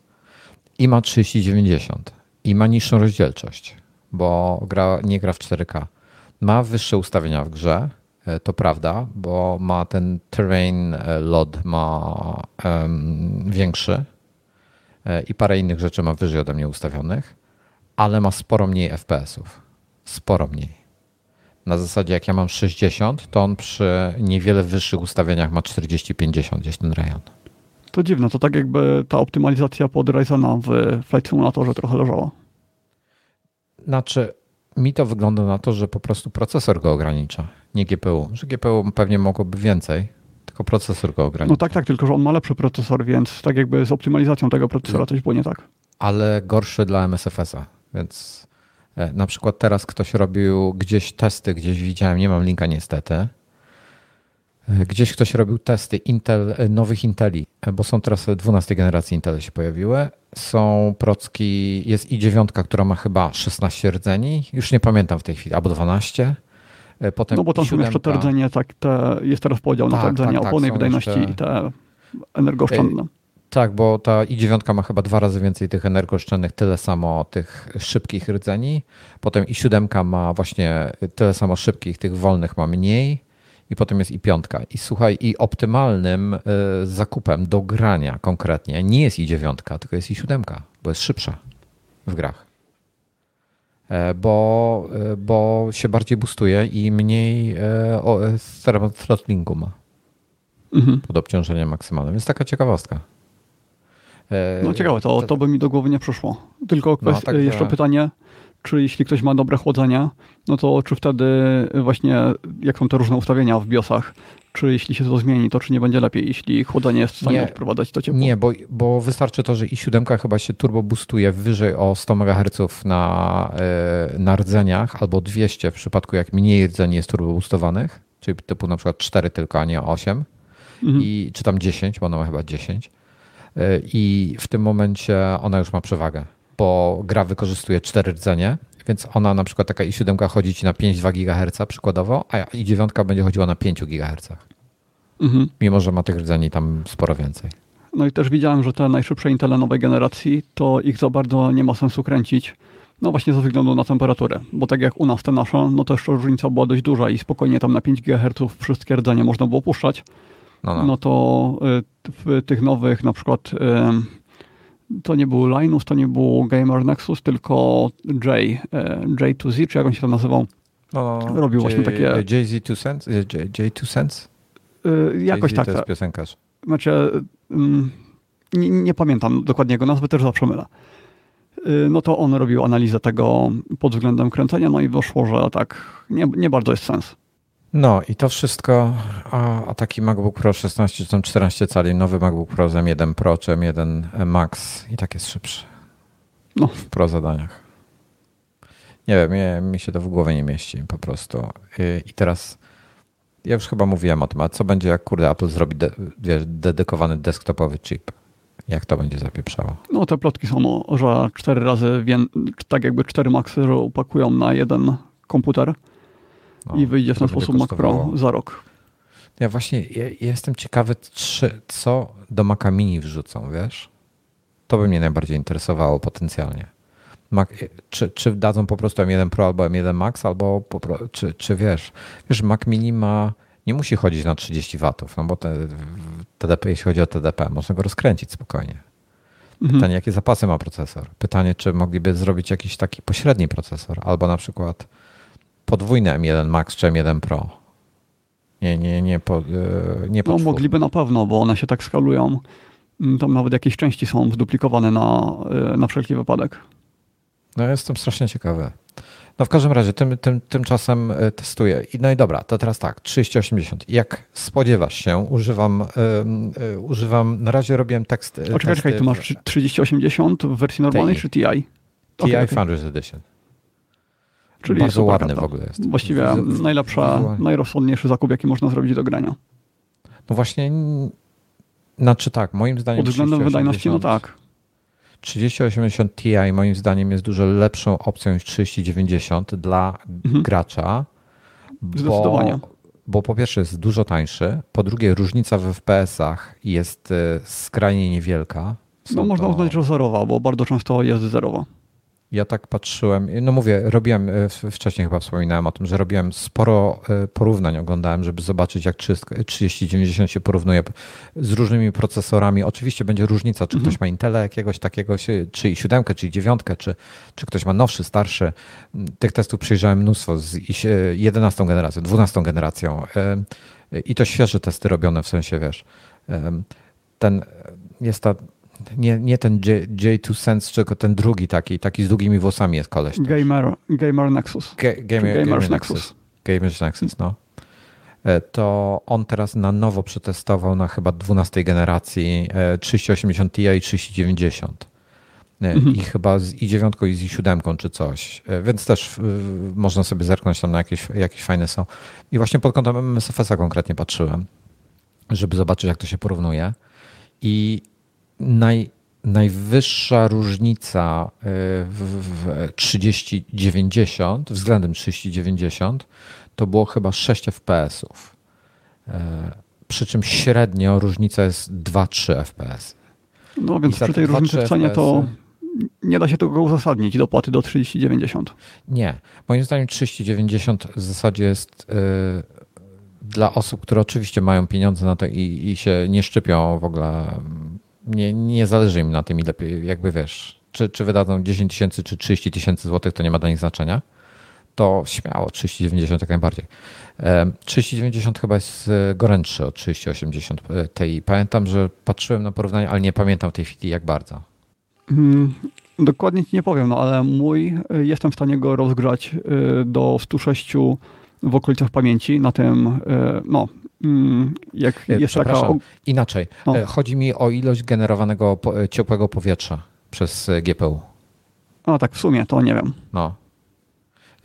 Gdzieś jakieś porównanie w tej kwestii widziałem, że po prostu 3090 wymaga też sprawniejszego, czy też sprawnego chłodzenia obudowy, żeby w środku nie zagrzać w sobie po prostu obudowy, bo w tym momencie wszystko ci spowalnia. Mhm.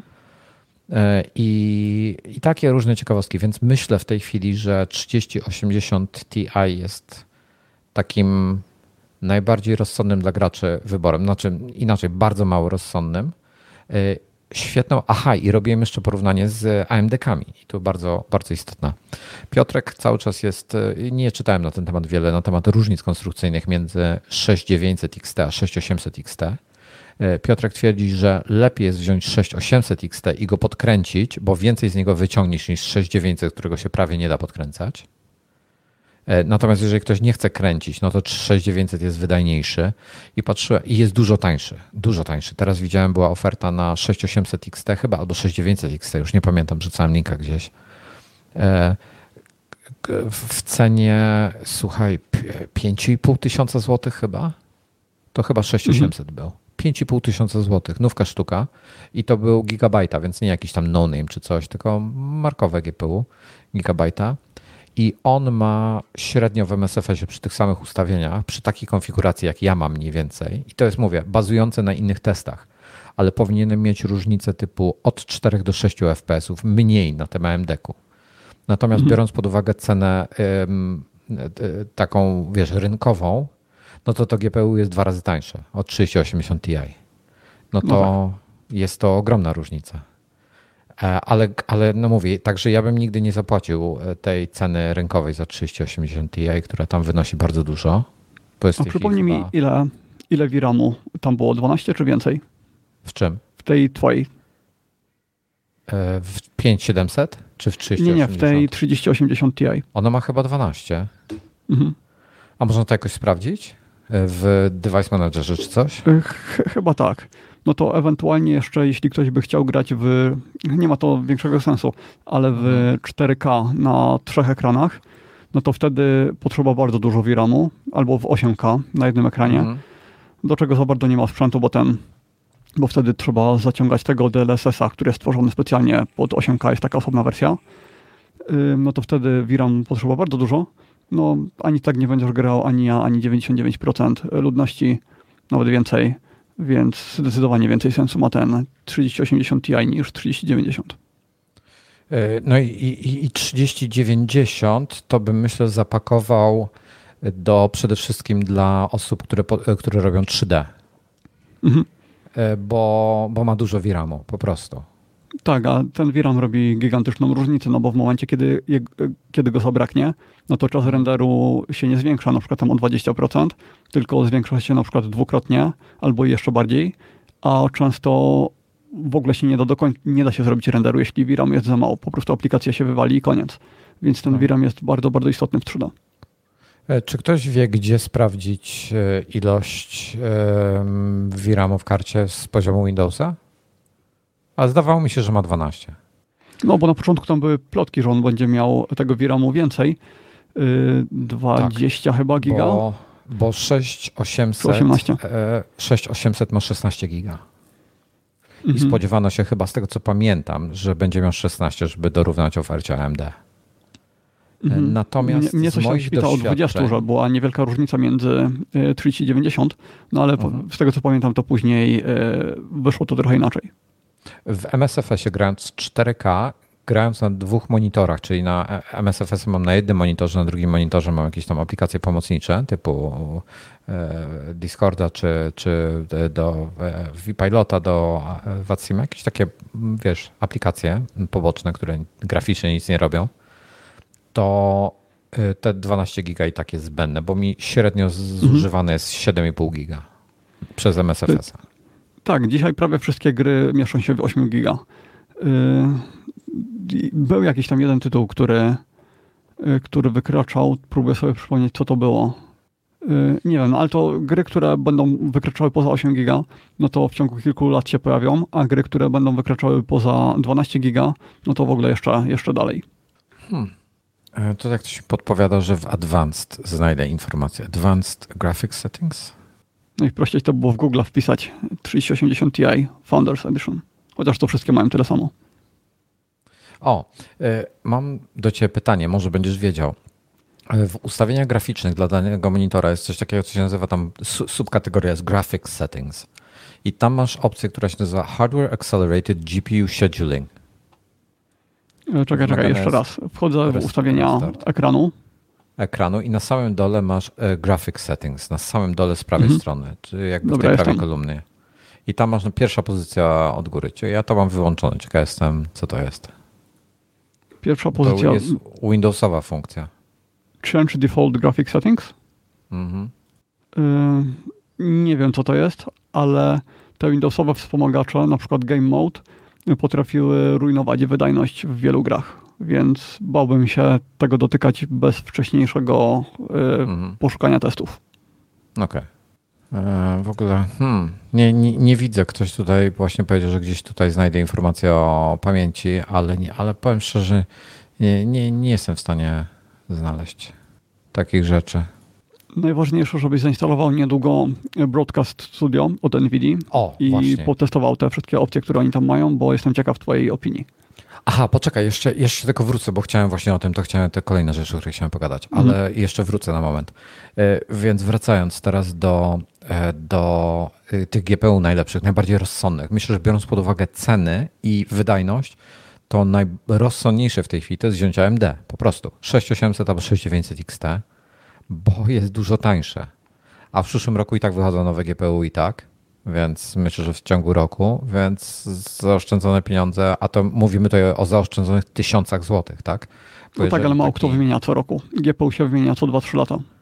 No tak, ale załóżmy, że ktoś chce w przyszłym roku i wie, że chce kupić, a teraz potrzebuje coś więcej. To zamiast teraz wydawać 12 16 tysięcy złotych na 3080 Ti albo 20 tysięcy na 3090, E, to możesz za 5,5 do 7,5 mieć 6800. no tak, w tych, w tych cenach nie ma to żadnego sensu, żeby, żeby tyle przepłacać. No. E, więc wiesz, no kurde, kosmos. No tym bardziej, że te czasy, kiedy się kupowało GPU i jeszcze ono na, e, na siebie zarabiało na kopaniu, no to już raczej minęło. Teraz, ok, dalej się bardzo opłaca kopać przy okazji, jak już masz takie GPU, mhm.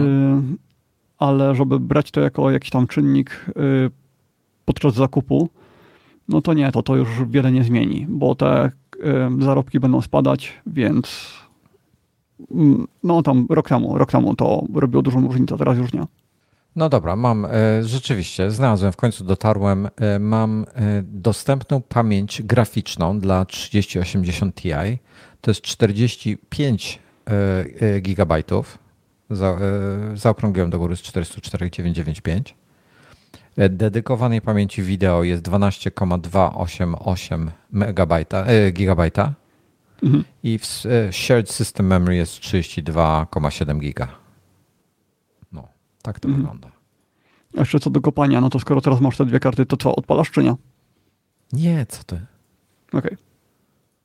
Co ty, wiesz, biorąc pod uwagę cenę prądu i tak dalej, to wiesz, yy, po co?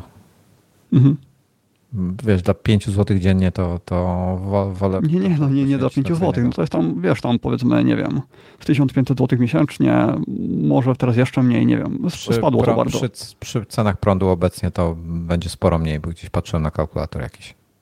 Mhm. To to będzie kilkaset, chyba 600 miesięcznie, czy coś takiego. Tak, tak, tylko ja mówię o dwóch kartach, nie, nie o jednej, tylko bo ty masz dwie karty, A. więc ta jedna może ci kopać non-stop. Nie, nie, co ty, wiesz co, chrzanić to, biorąc pod uwagę jak gorący będzie komputer w tym momencie, rozgrzany cały czas, wszystko w środku, mhm. dyski i tak dalej, jak to skraca żywotność wszystkiego yy, diametralnie, to, to jest dla mnie to stracę więcej na tym, na żywotności sprzętu niż zyskam na tym kopaniu. no ale będziesz trzymał ten sprzęt przez 15 lat, czy, czy tam 20? No nie, no nie wymienisz go za 3 lata ale, albo 5. Ale chcę, żeby mi SSD wytrzymał 5 lat, a nie 2. Rozumiesz? Mhm. Bo już ma 2, czy tam półtora. No, no to tyle, to, to wytrzyma spokojnie. No ale faktycznie też no, wywaliłem te karty na zewnątrz, żeby mi nie grzało niepotrzebnie. No tak, jak już chcesz kopać, no to wtedy jest, jest trochę kombinowania. Klados fajnie podsumował cenę 3080 Ti. To tak, żeby uzmysłowić. I to mi właśnie bardzo ładnie uzmysłowiło. Ja za te pieniądze kupię Xboxa, kupię telewizor, kupię kanapę i wynajmę mieszkanie na miesiąc. No, to no, tak wygląda. No w ogóle ten argument z konsolami jest bardzo dobry, bo jeśli ktoś chce dzisiaj grać, no to kupno PC-ta się mija z celem. Nie, zu zupełnie, tak. Jeżeli, jeżeli Xbox w tej chwili to jest e, mistrzostwo świata, jeśli chodzi o mhm. E, cenę względem możliwości. E, albo PlayStation, co, co kto lubi. No ale PlayStation ma znowu te ceny gier chore i nie ma Game Passa. Moim zdaniem, jeżeli ktoś nie lubi grać, znaczy po pierwsze, no w ogóle tutaj wracamy do tego, w ogóle nie wybierajcie konsoli na podstawie yy, po prostu porównując konsole, tylko wybierzcie sobie konsolę na podstawie gry, gier, w które chcecie grać. E, czyli jeżeli chcecie koniecznie grać sobie na przykład w Zelda, no to musicie kupić Nintendo, nie macie wyboru, tak? Jeżeli chcecie grać w Forze, no to Forza jest chyba, chyba nie jest multiplatformowa, musicie Xboxa kupić. Tylko PC i Xbox, tak. No, jeżeli chcecie Gran Turismo, to musicie kupić PlayStation. I ja bym pod tym e, kątem raczej patrzył. I to jest dla graczy, którzy chcą konkretną grę. Są zdecydowani, chcą konkretną grę i w tą grę wiedzą, że będą dużo czasu tej grze poświęcali. To wtedy wybierzcie na tej podstawie konsolę, a nie na podstawie jakichś preferencji.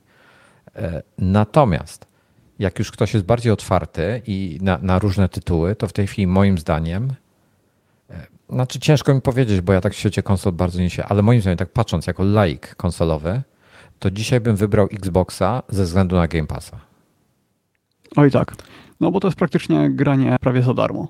Kiedy w PlayStation za e, hity na, promo, na premierę płaci się po 350 zł. Serio? Takie drogie są w tej chwili e, PS-owe gry? Ja myślałem, że no, MS, MSRP, Nie, nie, to było w czasach PlayStation 4. E, MSRP na premierę to jest chyba 360 zł. No i to później oczywiście szybko spada, pojawiają się używki i tak dalej. E, natomiast wow. tak czy tak gry są bardzo, bardzo drogie. E, złapać konsolę w normalnej cenie teraz też graniczy z cudem. Kurczę, serio?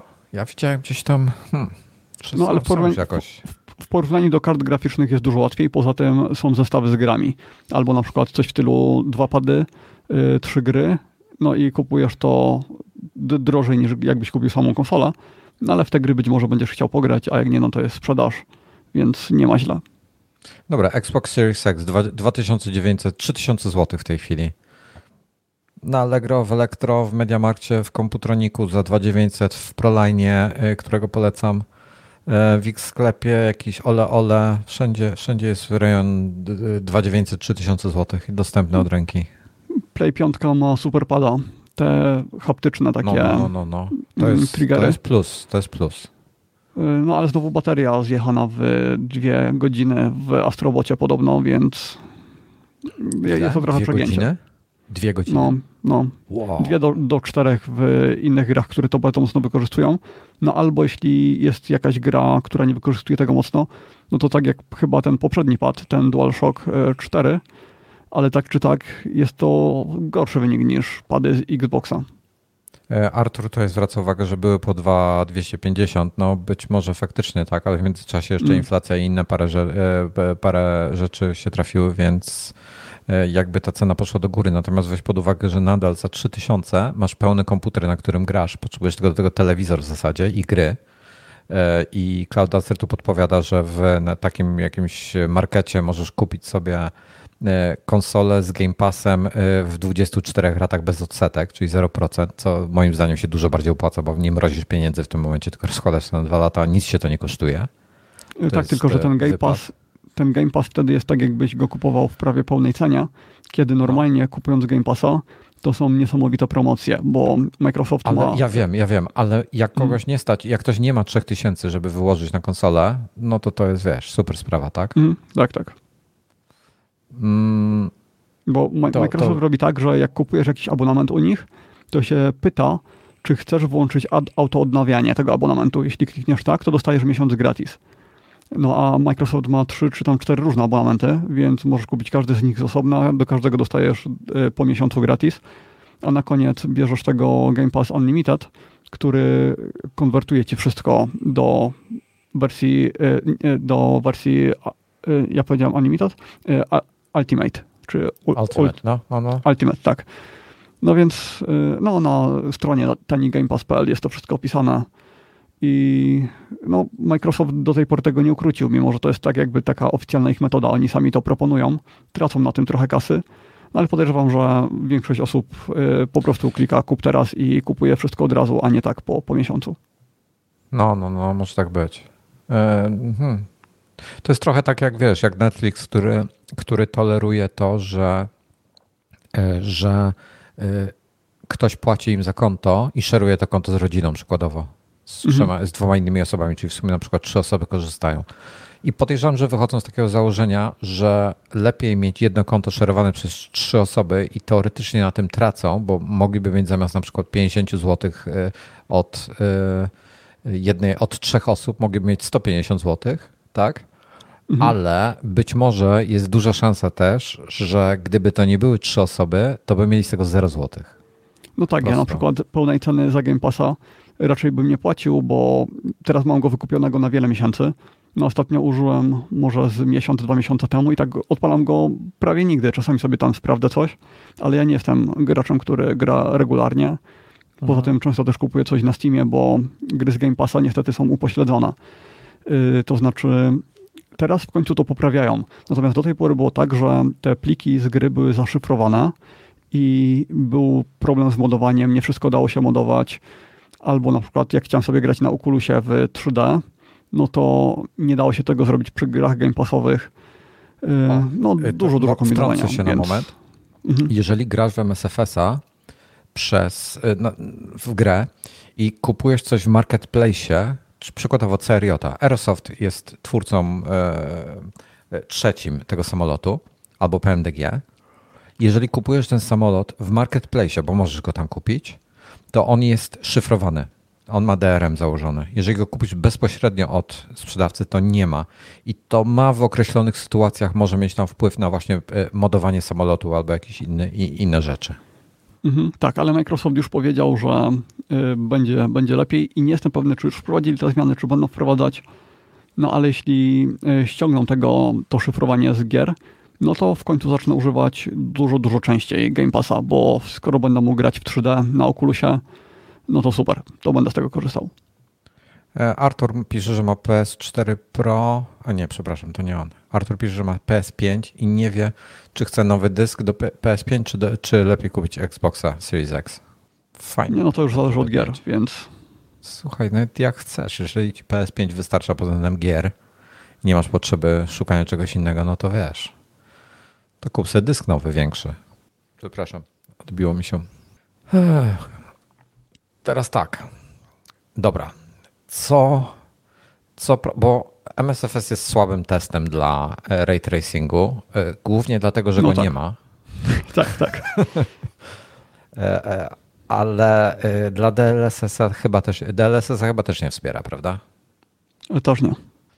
Więc czy masz jakieś propozycje dla mnie, do, które będą, a i dla, głównie w zasadzie mi zależy na ray tracingu, co będzie najbardziej spektakularnym testem? Czyli chodzi mi tu nawet nie typu gra, która mi będzie sprawiała przyjemność jakąkolwiek, tylko mhm. jako demo możliwości, albo ewentualnie jakieś darmowe demo możliwości ray tracingu kontra nie ray tracingu. Cyberpunk. Okej, okay, czyli mam. Cyberpunk, tylko że on jest taki, ten, ten y, ray tracing jest czasami udawany. Y, to znaczy w momencie, kiedy, już nie pamiętam o co dokładnie chodziło, y, Simplex z podcastem Kwadrat to odkrył i gdzieś tam opisywał, jak to dokładnie sprawdzić. Y, że po prostu on w pewnym momencie wchodzi, w pewnym momencie się wyłącza, w zależności gdzie patrzysz. Natomiast y, różnica w wyglądzie jest kolosalna w Cyberpunku, ale też bardzo zależy, gdzie jesteś. Pojedź sobie do jakiejś dzielnicy, gdzie jest dużo neonów, do tej, chyba, czyli chyba do tej bogatej. Y, najlepiej, jeśli będzie padał deszcz, no to wtedy to są dwie inne gry. Jeśli będziesz na jakimś pustkowiu, gdzie nie ma neonów, gdzie nie ma e, deszczu, nic takiego, no to wtedy różnica jest minimalna. Y, poza tym gra Control y, jest w Game Passie, a przynajmniej była kiedyś. Y, tam też jest duża różnica. Co jeszcze? Możesz sobie ściągnąć Quake'a 2, który jest w całości ray tracowany. Czyli wszystko tam jest zrobione w taki sposób, odbicia, całe oświetlenie w 100%. No więc tam a, a różnica jest. Może, można zrobić tak, że mogę wyłączyć sobie i włączyć, żeby zobaczyć różnicę? Jakoś jest w opcjach yy, możliwe yy, przedstawienia tego? Nie wiem, bo to jest specjalna wersja gry i nie wiem, czy tam jest opcja, mm, tak jak mówisz. Ale Minecraft, o, Minecraft to jest super przykład. Tylko, że musisz mieć światy, które są przystosowane do ray tracingu. I nie wiem, czy jest taka wersja darmowa. To sobie w ogóle warto zobaczyć, chociażby na YouTube. Jeśli ktoś nie ma takiej karty graficznej, to wpisz, wpiszcie sobie Minecraft RTX albo Minecraft Ray Tracing. To ta gra wygląda niesamowicie wtedy. Yy, co jeszcze? Właśnie takie, na takich prostych grach to często robi bardzo dużą różnicę musiał mieć jakąś listę tych gier przed sobą. Ja, ja, gdzieś oglądałem, bo kiedyś chyba o tym rozmawialiśmy dawno, albo gdzieś na Twitterze być może to było coś. W każdym razie oglądałem sobie takie porównania Minecraftowe z RTX-em, tam rzeczywiście była duża różnica. No ja, ja wrzucałem wielokrotnie jakieś takie porównania RTX, RTX on i off.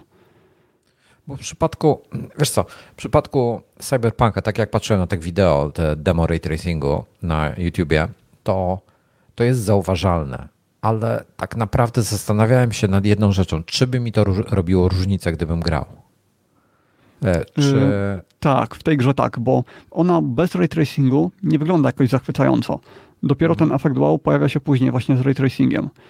I ja bardzo żałowałem, że przechodziłem na 5700 XT Radonie, gdzie nie miałem ray tracingu i dopiero jak już przeszedłem, to wtedy miałem e, GeForce'a. No i jak sobie oglądałem na YouTubie, jak to wygląda, jak to wygląda u mnie, no to mimo tej kompresji YouTube'owej, to jednak na tych filmikach wyglądało to dużo, dużo lepiej. No i później jak już włączyłem tego RTX-a u siebie, no jest różnica. Tylko właśnie zależy, co masz przed sobą. Czy, czy masz pełno samochodów, dużo szkła, neony, deszcz, czy jesteś na pustyni.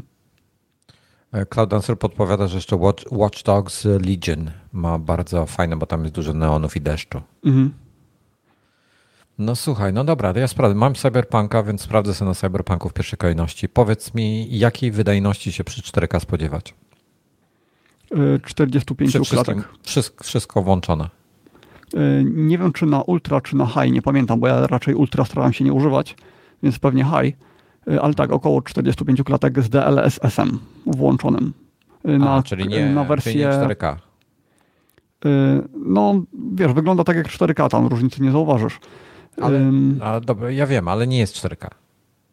Czyli rozdzielczość ma w grze niższą.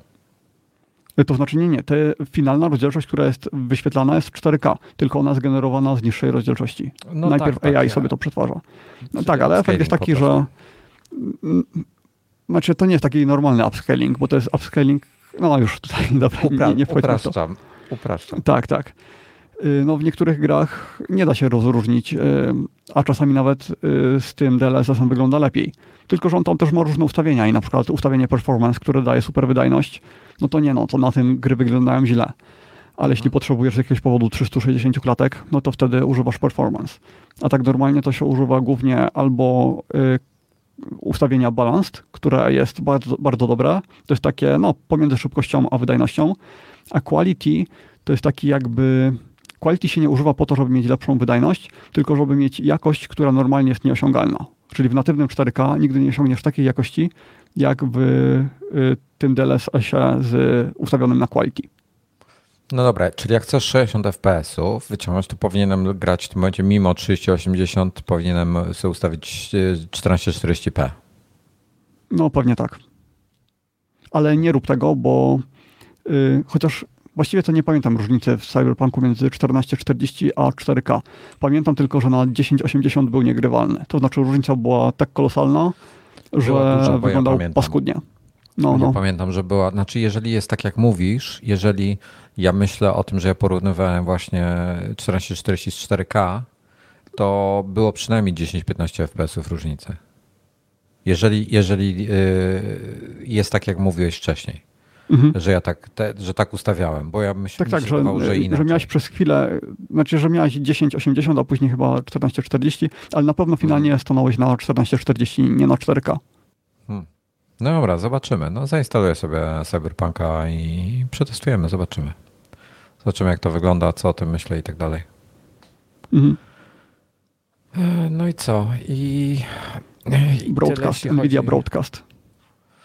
E, tak, ale wiesz co, zanim jeszcze do tego przejdę, e, do MSF, coś chciałem o MSF jeszcze powiedzieć. A, o nie. E, e, ale nie konkretnie o grze, tylko o tym, że wprowadzili DirectXa 12. E, no, a to gadaliśmy o tym. Beta. Tak, tak, ale gadaliśmy o tym. E, no, ale teraz robiłem sobie dalsze testy na 3080 właśnie. Mm, Okej. Okay. I jest niby przy, przy AMD, a i testowałem też na AMD-ku różnicę między 12 a 11. Na MDK było typu 2-3 FPS-y. Tutaj jest chyba około 5-3-5 FPS-ów różnicy, więc niby niewiele. Wiesz, z drugiej strony, jak, jak masz 50 i dążysz do tego, żeby mieć 60 na danych mhm. ustawieniach, to to jest sporo. E, ale, ale, ale nie jest to jakaś duża różnica. Natomiast y, DirectX X12 jest tak zbagowany pod wieloma względami, że w ogóle nie warto z niego korzystać. Na przykład PMDG w tej chwili, jeżeli ktoś lata ich samolotami, to mój w ogóle nie korzystacie z tego, bo crash to desktop macie praktycznie gwarantowany, bo po prostu jest za dużo bugów w tej chwili. Dlatego no i beta, no. Tak, oni powiedzieli, że to jest y, wstępna implementacja tego. Poza tym w tym DirectXie bardziej nie, nie, chodzi tyle o wydajność, co o to, żeby no, w przyszłości ta grafika mogła być coraz lepsza, żeby można było być może wprowadzić DLSS-a, no i to byłby gigantyczny boost wydajności, no bo na DirectX 11 nie można tego zrobić. Mhm. No to jeszcze, jeszcze myślę, że poczekam przynajmniej z pół roku, żeby, żeby to było stabilne. O, ale dam Ci jeszcze protipa związanego z DLSS-em. Mhm. Warto sobie ściągnąć z internetu najnowszego DLSS-a. To jest taki plik DL, DLL, yy, chyba DLL. Yy, ściągasz go ze strony NVIDIA i kopiujesz go do folderów z grami, które wspierają DLS, DLSS-a w starszych Czyli wersjach. Jeszcze raz. Tak. Ściągam co? Skąd? Ze strony NVIDIA ściągasz najnowszego DLSS-a. To jest Ale taki to, to ja nie mam tego, ja tego nie mam już. Jak mam GeForce Experience zainstalowany i ten, to ja jeszcze muszę coś instalować? Nie, nie, nie musisz. Tylko chodzi o to, że gry wyszły jakiś czas temu i w pewnym momencie skończyły się update'y albo po prostu tego DLSS-a nie update'owali, ale w międzyczasie Nvidia bardzo mocno ulepszyła tego DLSS-a. No ale gra korzysta dalej z tej wersji powiedzmy 2.0 zamiast z wersji, nie wiem, 2.1, 2.2. No i to powoduje czasami bardzo duże różnice. Czy to Szczególnie jeśli masz jakieś. Słucham? Czy to dotyczy Cyberpunka? Y, nie pamiętam. Mm, ja, ale pamiętam, że robiłem update w Cyberpunku, natomiast nie pamiętam, czy tam była jakaś różnica, czy nie. No i ten update polega na tym, że kopiujesz ten plik z nowym DLSS-em, możesz go nawet wziąć z innej gry. Jak wiesz, że w jakiejś grze jest ten najnowszy, to kopiujesz go i wklejasz go do folderu z innymi grami. Czyli podmieniasz to. Na wszelki wypadek zrób sobie backup. No i wtedy masz DLSS-a, który działa lepiej.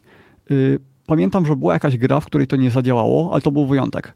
Y, prawie zawsze ta podmianka działa, tylko że w Cyberpunku raz mi się zrobiło tak, że wchodzę do gry i nagle nie mogę wybrać w ogóle DLSS-a. Okazało się, że chyba przy update'cie y, jak mi zrobiło weryfikację plików, mm, tam Steam ma taką opcję, on to robi przy każdym update'cie automatycznie, no to wykryło, że ten plik y, się nie zgadza z tym, co oni tam w tym update'cie dostarczyli, więc usunęło mi go z dysku. Tak podejrzewam, że to dlatego mi to usunęło, no bo plik zniknął. No i musiałem go wtedy skopiować jeszcze raz. Czyli, y czyli Cyberpunk wymaga tego. A nie wiesz jak w tej y chwili, że może już poprawili, tak? To znaczy standardowo to jest w Cyberpunku, tylko raczej w tej starszej wersji, nie w tej najnowszej.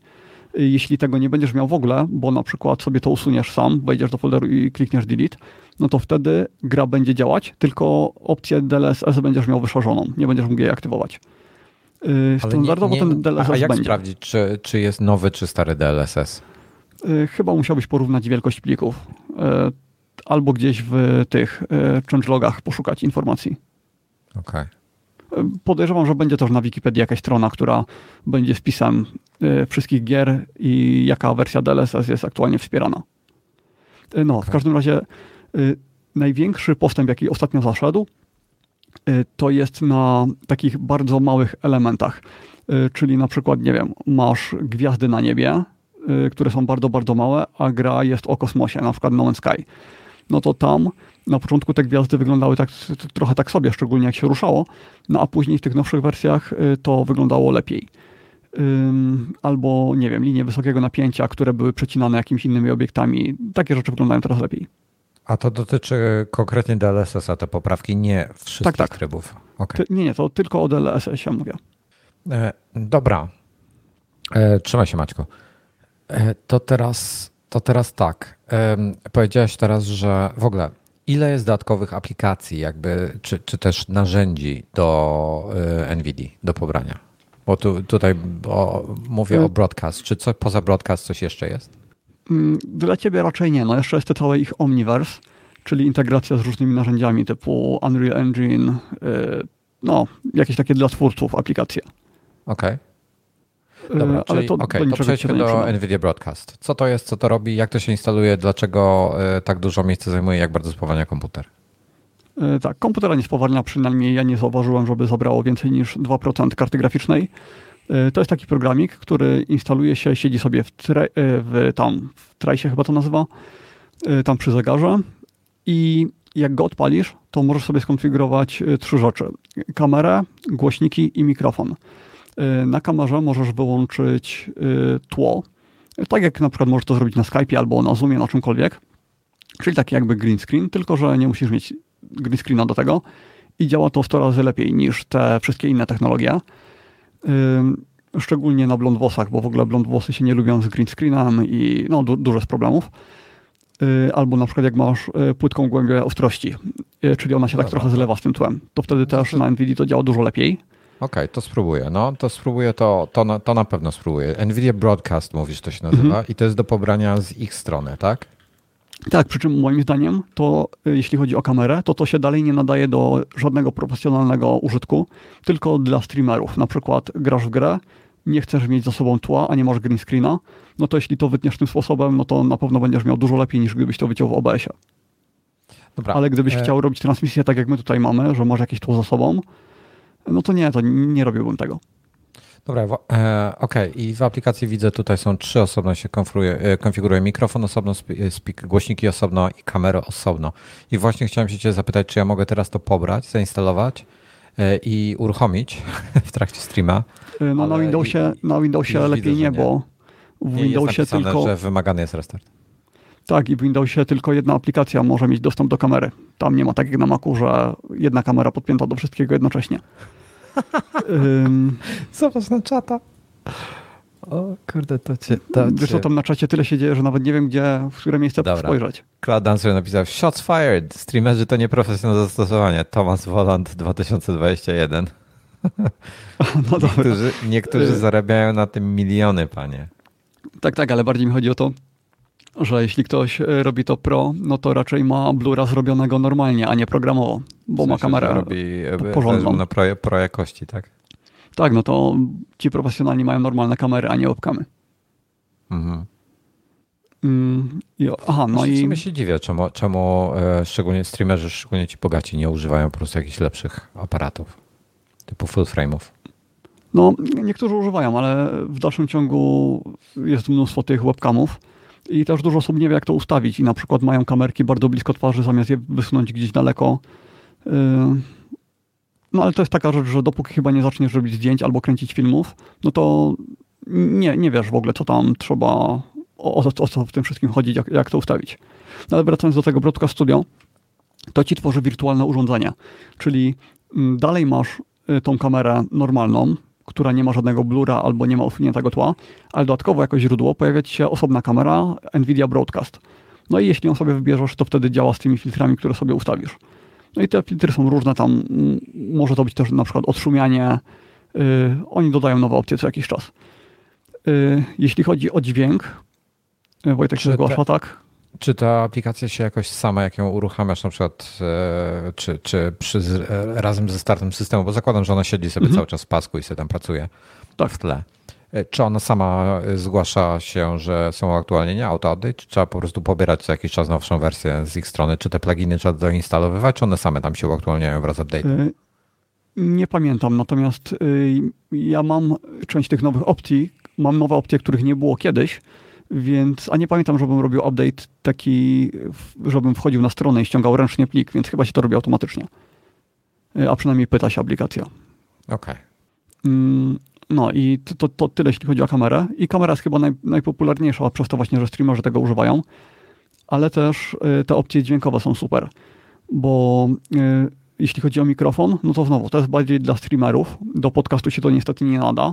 Yy, wiem, bo nagrałem jeden podcast w ten sposób i później mi powiedziano, że były bardzo duże problemy z odszumianiem, bo to odszumianie, które oni tam mają, działa super, ale w momencie, kiedy się niczego nie mówi, no to wtedy na przykład yy, wycina całkowicie tło i po prostu niczego nie słychać. W momencie, kiedy zaczynam coś mówić, to Nvidia odszumia to też bardzo dobrze, ale mimo wszystko dochodzi yy, szum tła. No ale chwilę wcześniej tego szumu w ogóle nie było, bo ona bo wycina tak jakby całkowicie szum. Yy, ale działa to na tyle dobrze, że jeśli ja bym tutaj odpalił tą Nvidia, wziąłbym odkurzacz, przyłożyłbym ten odkurzacz taki ręczny blisko mikrofonu i dalej bym gadał, albo wentylator, który byłby skierowany w mikrofon, yy, to tego szumu nie byłoby słychać. Mój głos byłby trochę zniekształcony, w zależności od tego, jak bardzo yy, mocno ustawię to odszumianie, bo to można regulować, ale byłoby to wszystko zrozumiałe, co ja mówię. I to jest odszumianie, które działa tak, że tego w żaden sposób nie da się zrobić y, tymi no, normalnymi metodami. No w ogóle nie, nie ma mowy. Jest jedno narzędzie, y, o którym wiem, do mhm. odszumiania um, audio, plików audio, y, które jest klasy broadcastowej. Tak, chyba wiem, o którym powiesz, tylko nie, nie pamiętam. No to mów, mów. Koszt, w pełnej wersji kosztuje chyba 1000 dolarów, czy coś takiego. No i to nie jest mhm. real time, tak? To jest tak, że musisz nagrać audio i potem odszumić. Tak, nie pamiętam e, nazwy, ale. E, mhm. Któraś tam, o, bo jest tak. wersja prosta Isotope, taka tania, jest chyba tania, jest po 150 czy 200 dolarów i ta profesjonalna chyba jest za, za tysiaka.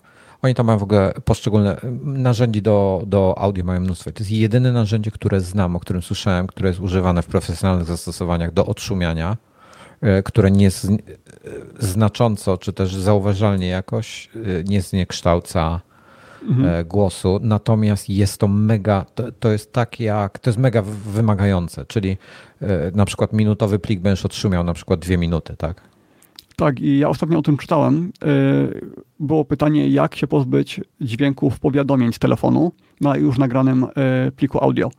No i właśnie trzeba to zrobić tak, że w tym programie się wgrywa na samo to powiadomienie, nagrane na, na tym samym mikrofonie, w tych samych warunkach i dzięki temu później aplikacja wie dokładnie, co wyciąć. Y, tylko no właśnie trzeba mieć ten plik źródłowy, te samo powiadomienie.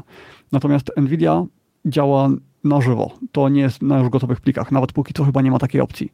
Więc mhm. to jest mhm. typowo dla streamerów. No jeśli się robi streama, to to jest super. Jeśli się robi podcast, no to nie, bo wtedy potrzebujemy mieć y, ten poziom szumu najlepiej równy albo zerowy na całym nagraniu. A jeśli on się zmienia w trakcie, no to wtedy jest problem. No ale gdyby mi tutaj, nie wiem, sąsiad włączył wiertarkę y, i byłby huk bardzo mocny, no to odpaliłbym wtedy tą NVIDIA i nagralibyśmy podcast. I bardzo możliwe, że wiele osób nie zauważyłoby różnicy, poza tym, że jakbym mówił, to szum byłby trochę inny niż w momencie, kiedy milczę. No, e, ja słyszałem trochę e, w międzyczasie tam odkąd ostatni raz o tym rozmawialiśmy. Zresztą Nvidia e, mhm. u nich fajnie, fajnie na stronie tam przy tym, przy opisie tego, tej funkcji właśnie pisze, żeby nie używać tego w jakichś tam zastosowaniach. Jakiś, nie pamiętam szczegółów, trzeba by wejść na ich stronę, zobaczyć. Nie, nie korzystać z tego w jakiś tam, bo po prostu będzie zniekształcony głos gorszej jakości. Mhm. I, i żeby, żeby wiedzieć o tym. E, więc no myślę, że do takich, wiesz, jak chcesz mieć absolutnie najlepszą możliwą jakość dźwięku, to, no to niestety. Natomiast w sytuacji, w której e, albo nagrasz w ten sposób, albo nie nagrasz w ogóle, no to chyba mhm. lepiej, to jest lepszy kompromis. Tak, albo do wideo rozmów, czy po prostu do rozmów. Nawet y, widziałem wideo, zresztą to robiło furorę rok temu, jak jeszcze było w wersji beta i działało dużo gorzej. Koleś y, usiadł przy mikrofonie, wziął ten taki, to urządzenie, co w Ameryce jest używane do liści, e, do... Ja widziałem, do, wiem o czym mówisz, no. No, no. No i przyłożył to tam obok. Tak, tak. I trzymał to przy mikrofonie i przy ustach i gadał do mikrofonu. No i czasami to wyłączył, żeby było widać różnicę i czasami włączył. No to jak to wyłączył, no to wtedy no nic się praktycznie nie dało zrozumieć. A jak to było włączone, no to w sumie nie byłeś pewny, czy tam w ogóle coś działa w tle, czy ta maszyna jest wyłączona. Zresztą, no ja tak jak mówiłem, też później robiłem testy z odkurzaczem. No odkurzacz wiadomo nie jest taki, taki głośny, ale tak czy tak, jak się go przystawi bardzo blisko, no to robi huk niesamowity w mikrofonie, no a można sprawić, że będzie niesłyszalny. A, no i w mikrofonie jest tak samo jak w kamerze, czyli tworzy się wirtualne urządzenie, które, więc w razie czego możesz wybrać w, w każdym programie, czy chcesz nagrywać bez odszumiania, czy z odszumianiem, w zależności co wybierzesz. No i trzecia opcja to jest coś podobnego, ale działa na głośniki. To znaczy, ja tego używam o, do vlogów. Właśnie, to, to opowiedz szczegółowo, o co chodzi z tym. Tak, to jest super, szczególnie jeśli się ogląda vlogi, które są kręcone na jakichś kompaktowych e, aparatach z mikrofonem wbudowanym, e, a nie z jakimś profesjonalnym sprzętem. E, a jeśli to jest zrobione na ulicy, gdzieś w mieście, w metropoliach, a ja lubię tak oglądać gdzieś tam z, ze Stanów, z Ameryki, z, z Tokio czy gdziekolwiek, no to Y, czasami jest tak, że ten głos jest tak bardzo przy, przytłumiony przez dźwięki otoczenia, że ciężko jest zrozumieć, co oni gadają, szczególnie, że w końcu się nauczyłem słuchać y, wideo na przyspieszeniu bardzo mocnym, więc wtedy już w ogóle mam, mam problemy ze zrozumieniem. No to wtedy mam zrobione tak, że na Stream Decku od Elgato mam przełączniki do różnych źródeł dźwięku, czyli tam słuchawki, głośniki i tak dalej. I mam też ikonkę z NVIDIA. I to znaczy, że jeśli to wcisnę, to głośniki ma, są przełączone na tą wersję odszumianą. No i wtedy, tak? Czy rozumiem, że to dotyczy nie tylko głośników, tylko jakiegokolwiek outputu y, audio, czy to będzie na, na głośniki, czy na kartę muzyczną, mhm. czy na cokolwiek, y, po prostu tak, tak. Y, dźwięk wychodzący.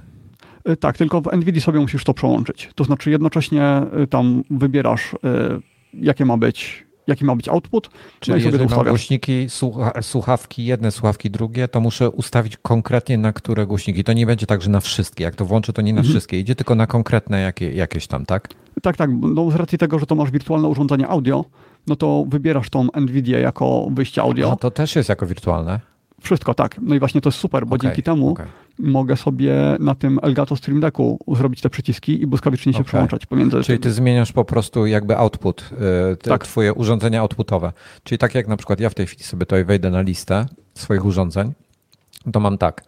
E, mam um, Logitecha headset, mam monitor, jako, mhm. bo można przez monitor lecieć. Mam audio interface, czyli Focusrite'a i mam e, jeszcze drugi monitor i teoretycznie gdybym je włączył, mam je w tej chwili włączone, to jeszcze głośniki USB by mi się pojawiły tutaj na liście. Więc e, mam urządzenie wirtualne, na przykład tam jakiś Nvidia speakers czy coś takiego tak. i, i konkretnie w tej aplikacji wybieram, że to mają być, że jakoś spinam, tak, tak. Że, te, że, że z tym wirtualnym mają być połączone moje głośniki na przykład, tak? Tak, i to tak zostaje i on to zapamiętuje. Ja tak mam, że ja tego używam tylko na głośnikach, na niczym innym. Okay. Natomiast jeśli chcesz, no to możesz się przełączyć. Poza tym zawsze warto mieć tą aplikację pod ręką, żeby mieć ten suwak z regulacji siły tego filtra. No bo czasami, jeśli ktoś jest na ulicy i szum jest gigantyczny, no to chce mieć odszumione mocno, a na innym filmie znowu chcę mieć tylko bardzo delikatnie albo w ogóle. No jeśli w ogóle, to sobie po prostu zmieniam ten output. Okej, okay. okej, okay, rozumiem. No dobra, to to jest, to to jest potencjalnie, to sobie przetestuję.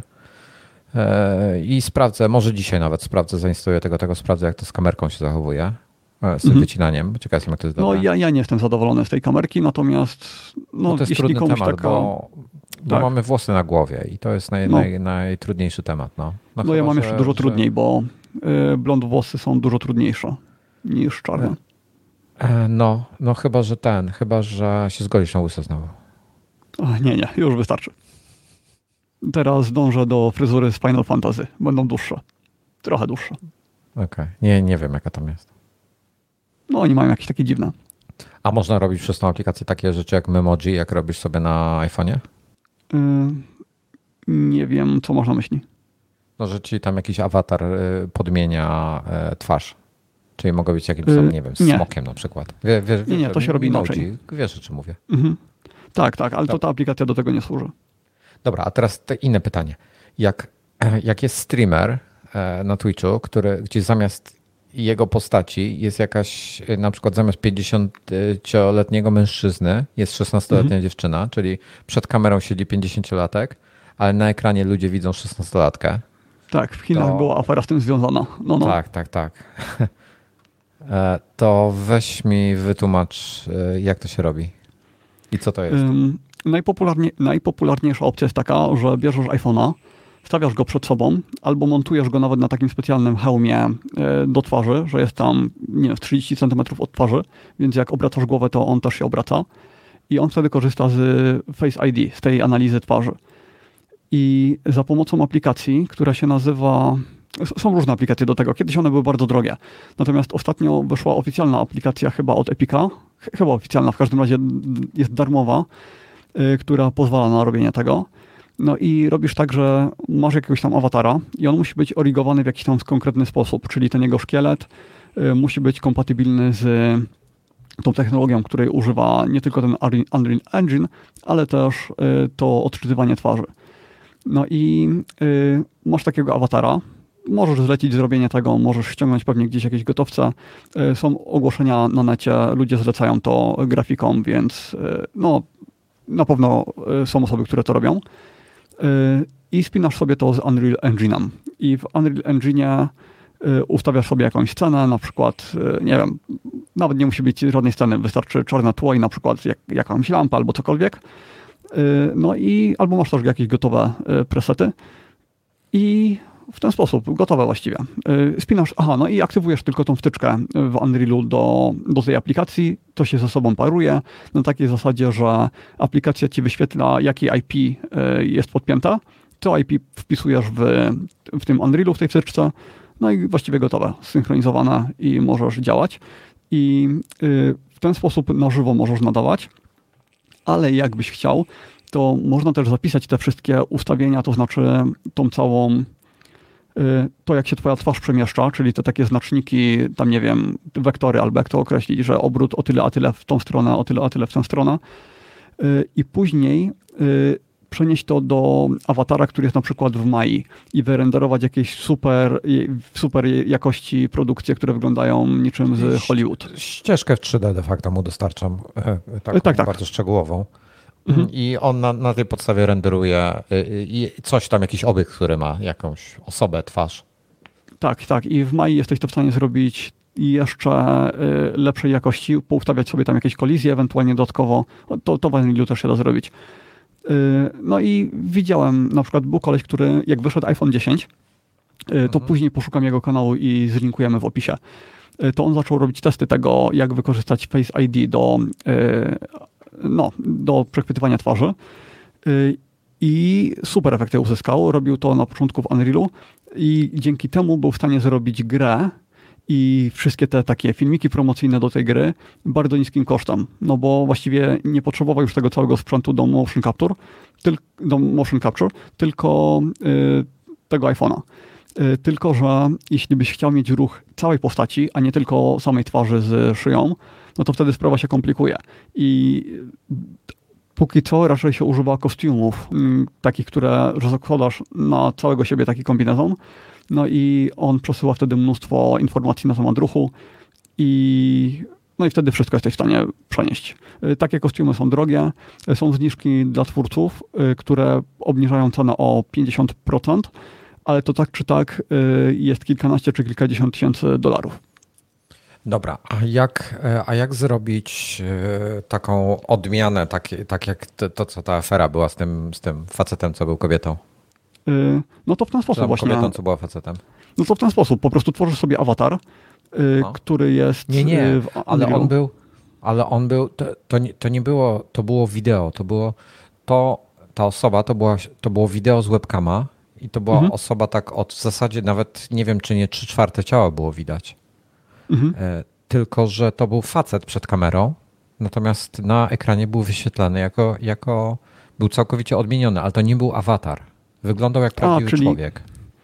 Y, ale tak, tak, to co ja mówię, to może wyglądać jak człowiek. Na przykład jeśli A, sobie okay, weźmiesz ja awatar mówię o takich awatarach y, rysunkowych, takie typu, typu w stylu e, anime czy Okej, okay, to, to, to, o czym ja mówiłem, no to można do tego użyć albo rysunkowych takich e, awatarów, e, takich nie wiem, kartonowych, takich w stylu anim, anime, albo totalnie realistycznych. Tylko, że wtedy jest okay. to ciężko wyrenderować w mnóstwie klatek na sekundę albo z jakimś super oświetleniem, w ray, z ray tracingiem. On miał normalnie 6 FPS-ów, więc w ogóle tam 30, to on, wiem, wiesz co, to 30. Nie wiem, nie wiem jak on to robił, natomiast mo mogło to też być na zasadzie AR-u, gdzie na realny obraz są na, nanoszone zmiany, takie jak robi Snapchat. Yy, ale nie, nie pamiętam jak było w jego przypadku. Zresztą to było więcej afer, bo była też e, Chinka, która była starsza i tak, tak, się tak, bardzo tak. mocno odmłodziła. No i była też ta afera z tym facetem. Um, ja bym chciał tylko w czacie ludziom podpowiedzieć, że Tomasz nie ma wyje na pogodę, tylko on ma po prostu 30 stopni, więc ma pewnie klimę włączoną w tej chwili. Tak, klima jest ustawiona na 28. No. Ale faktycznie w Tajlandii też jest teraz zima i to oznacza, że na dworze mam około 30 stopni, czy tam 33, a nie 37 albo 40. No. Mm, a, no i to da się te zmiany też nanieść w taki sposób e, aerowy, ale y, to wtedy jesteś ograniczony i jest ryzyko, że na przykład odwrócisz głowę i to się wysypie, nie? że nagle y, traci orientację, gdzie jest twoja twarz i zaczyna obraz świrować. W momencie, kiedy robisz to przez tego Unreala, no to jesteś zabezpieczony w 100% i raczej nie bardzo coś może pójść nie tak. Nie, to, to jest, ja to zobaczę, to się rozwinie tak, że to wiesz, niedługo takie rzeczy to wszystko e, e, będziesz mógł czymkolwiek robić najtańszym smartfonem te, tego typu. E, znaczy, efekty. przede wszystkim przede wszystkim będziesz mógł sobie założyć okulary i jeśli ci się znudzi dziewczyna albo żona, no to będziesz mógł zmodyfikować sobie po prostu jej rysy twarzy, nie? Tylko nie mów, nie mów jej tego. Mm. E, Ale my, myślę, twoją... myślę, że to może być e, pozytywna cecha. To znaczy, że na rozwody to może wpłynąć bardzo pozytywnie zamiast negatywnie. No, no zobaczymy. A ciekaw jestem, wiesz, e, to raczej, raczej tutaj myślę już o sferze wieczornych uniesień miłosnych, gdzie no tak, tak. zmieniasz sobie partnerkę z, ze swojej żony na przykład na, nie wiem, na Angelinę, tak, albo Anne mhm. Hathaway, albo ktokolwiek inny, jak to akurat ci się podoba. No tak, biorąc pod uwagę, jak jest rozwinięta technologia obecnie, to nie ma mowy, żeby to nie było możliwe w ciągu najbliższych kilku lat. E, Cloud Dancer napisał, że 30 stopni to nie miałem łącznie przez cały zeszły tydzień. łącznie. E, dobra, słuchaj. E, Okej, okay. to wrócimy do tematu NVIDIA za tydzień jako mhm. follow-up. E, pobawię się, dam znać. Na razie jestem, e, jak ktoś ma jakiś pomysł na ten monitor i dlaczego mi złe e, informacje. W ogóle pogrzebałem tam trochę tego G-Synca, wyłączyłem, słuchaj, w trakcie jak nagrywaliśmy i wszedłem w display i teraz mam jeszcze lepiej, bo jak wchodzę, Dela mi nadal wykrywa prawidłowo, dalej nie mogę w nim wybrać 200-400 fps, dalej 60 jest max, Przy czym, ale EIZO z kolei już nie jest EIZO, tylko jest Generic U, ten, no, UPnP. Mhm. I, Czyli Universal tam plug and play. Tak, ale jak wejdę w niego szczegółowo, to już się pojawia jako EIZO, a jak wejdę w ustawienia monitora, to tam też się pojawia jako generic, a nie, to generic PNP monitor. O. Więc e, nie mam pojęcia, co zmieniłem, ale, e, ale powiem ci, że AMD sobie lepiej z tym radziło. Mm. Także no tyle. Nie, nie, nie, nie wiem o co, o co biega. E, być może jak ktoś ma jakieś tipy i tak dalej, to, to dajcie znać. Ja chciałem sprawdzić, ja chciałem jeszcze sprawdzić, jak się nazywa ta aplikacja do analizy twarzy, ta, która przenosi ruchy mhm. twarzy do nierealnego świata. Natomiast ona się uruchamia tak szybko, że nie jestem w stanie, a mam ją w, tym, w tej bibliotece. Nie mam jej nigdzie na głównym ekranie, więc nie wiem, jak się nazywa. Coś tam Face Link Up czy coś takiego. Aha. Mhm. I ma logo Unreal'a, więc chyba jest oficjalna. Nie wiem, czy będzie widać, ale nie widać, jak to wygląda. Hmm. No nic, trudno. W ogóle Cieka ciekawe jest to, że ten monitor, wiesz, tam mi się wyświetla jako 5997 w tych ustawieniach Windowsa. Jak wejdę w ten taki panel, ten taki, taki szczegółowy, te advanced details, to tam mm. się wyświetla już jako 60 i w NVIDIA Control Panel też się wyświetla jako 60, więc w ogóle nie wiem o co chodzi. Strasznie dziwne to jest. Być może wynika to częściowo z tego, że ja mam dwa monitory podłączone, ale kurde, AMD to ogarniał, tak? No, dopóki o... nie robisz klonowania, to nie powinno to robić różnicy. No i znalazłem ciekawostkę jeszcze e, i to dopiero znalazłem teraz w zakładce Digital Audio, e, bo, bo tutaj jest pierwsze miejsce, bo szukałem informacji na tym, bo ta karta ma z tyłu cztery porty. Jeden HDMI, 2.1 e, chyba to jest, nie jestem pewien. Nie interesowało mnie. Jest DisplayPort 1 i DisplayPort 2 i, i 3 oczywiście i nie wiedziałem, który jest który. W sensie nie są oznaczone fizycznie e, porty na, na tyle karty graficznej i w instrukcji też nie ma informacji. I, i już wiem, że port HDMI to jest jako port czwarty de, e, de, facto, bo DisplayPort 1 jest po drugiej stronie od HDMI, czyli jest 1, 2, 3 i potem HDMI. Taka ciekawostka. No dobra, tyle. Chyba, chyba nic więcej, chyba już nie mam do, do dodania, do powiedzenia. Mhm. O, dobra. What the hell? Znalazłem ustawienie um, 204. Dobra, teraz tak, słuchaj, w NVIDIA Control Panel wchodzę w pozycję Adjust Desktop Size and Position. Nie wiem, co to robi i, i czym to się różni od Change Resolution. Ale jak wejdę sobie tutaj w Dela, to mi pokazuje 240 Hz. Dela? Tak. To mi pokazuje tutaj 240. Ale twój Dell nie ma 200. Ty masz Dell jakiegoś 240? No ja mam Alienware. To jest Dell, no. O, okej, okay, okej. Okay. Dell Alienware 2518 HF. I tutaj go, i tutaj było override. Huh. Nie wiem o co chodzi. Nie mam pojęcia. No mam nadzieję, że czegoś nie, nie, nie skaszaniłem. Ja w panelu NVIDIA też nie mogę wybrać 120 Hz w Full HD w 1920 na 1080, mimo że monitor to obsługuje. Hmm. No ale i tak e, nigdy nie, nie próbowałem zgłębić tego problemu, no bo w takiej rozdzielczości na takiej przekątnej to gry wyglądają fatalnie. Mhm.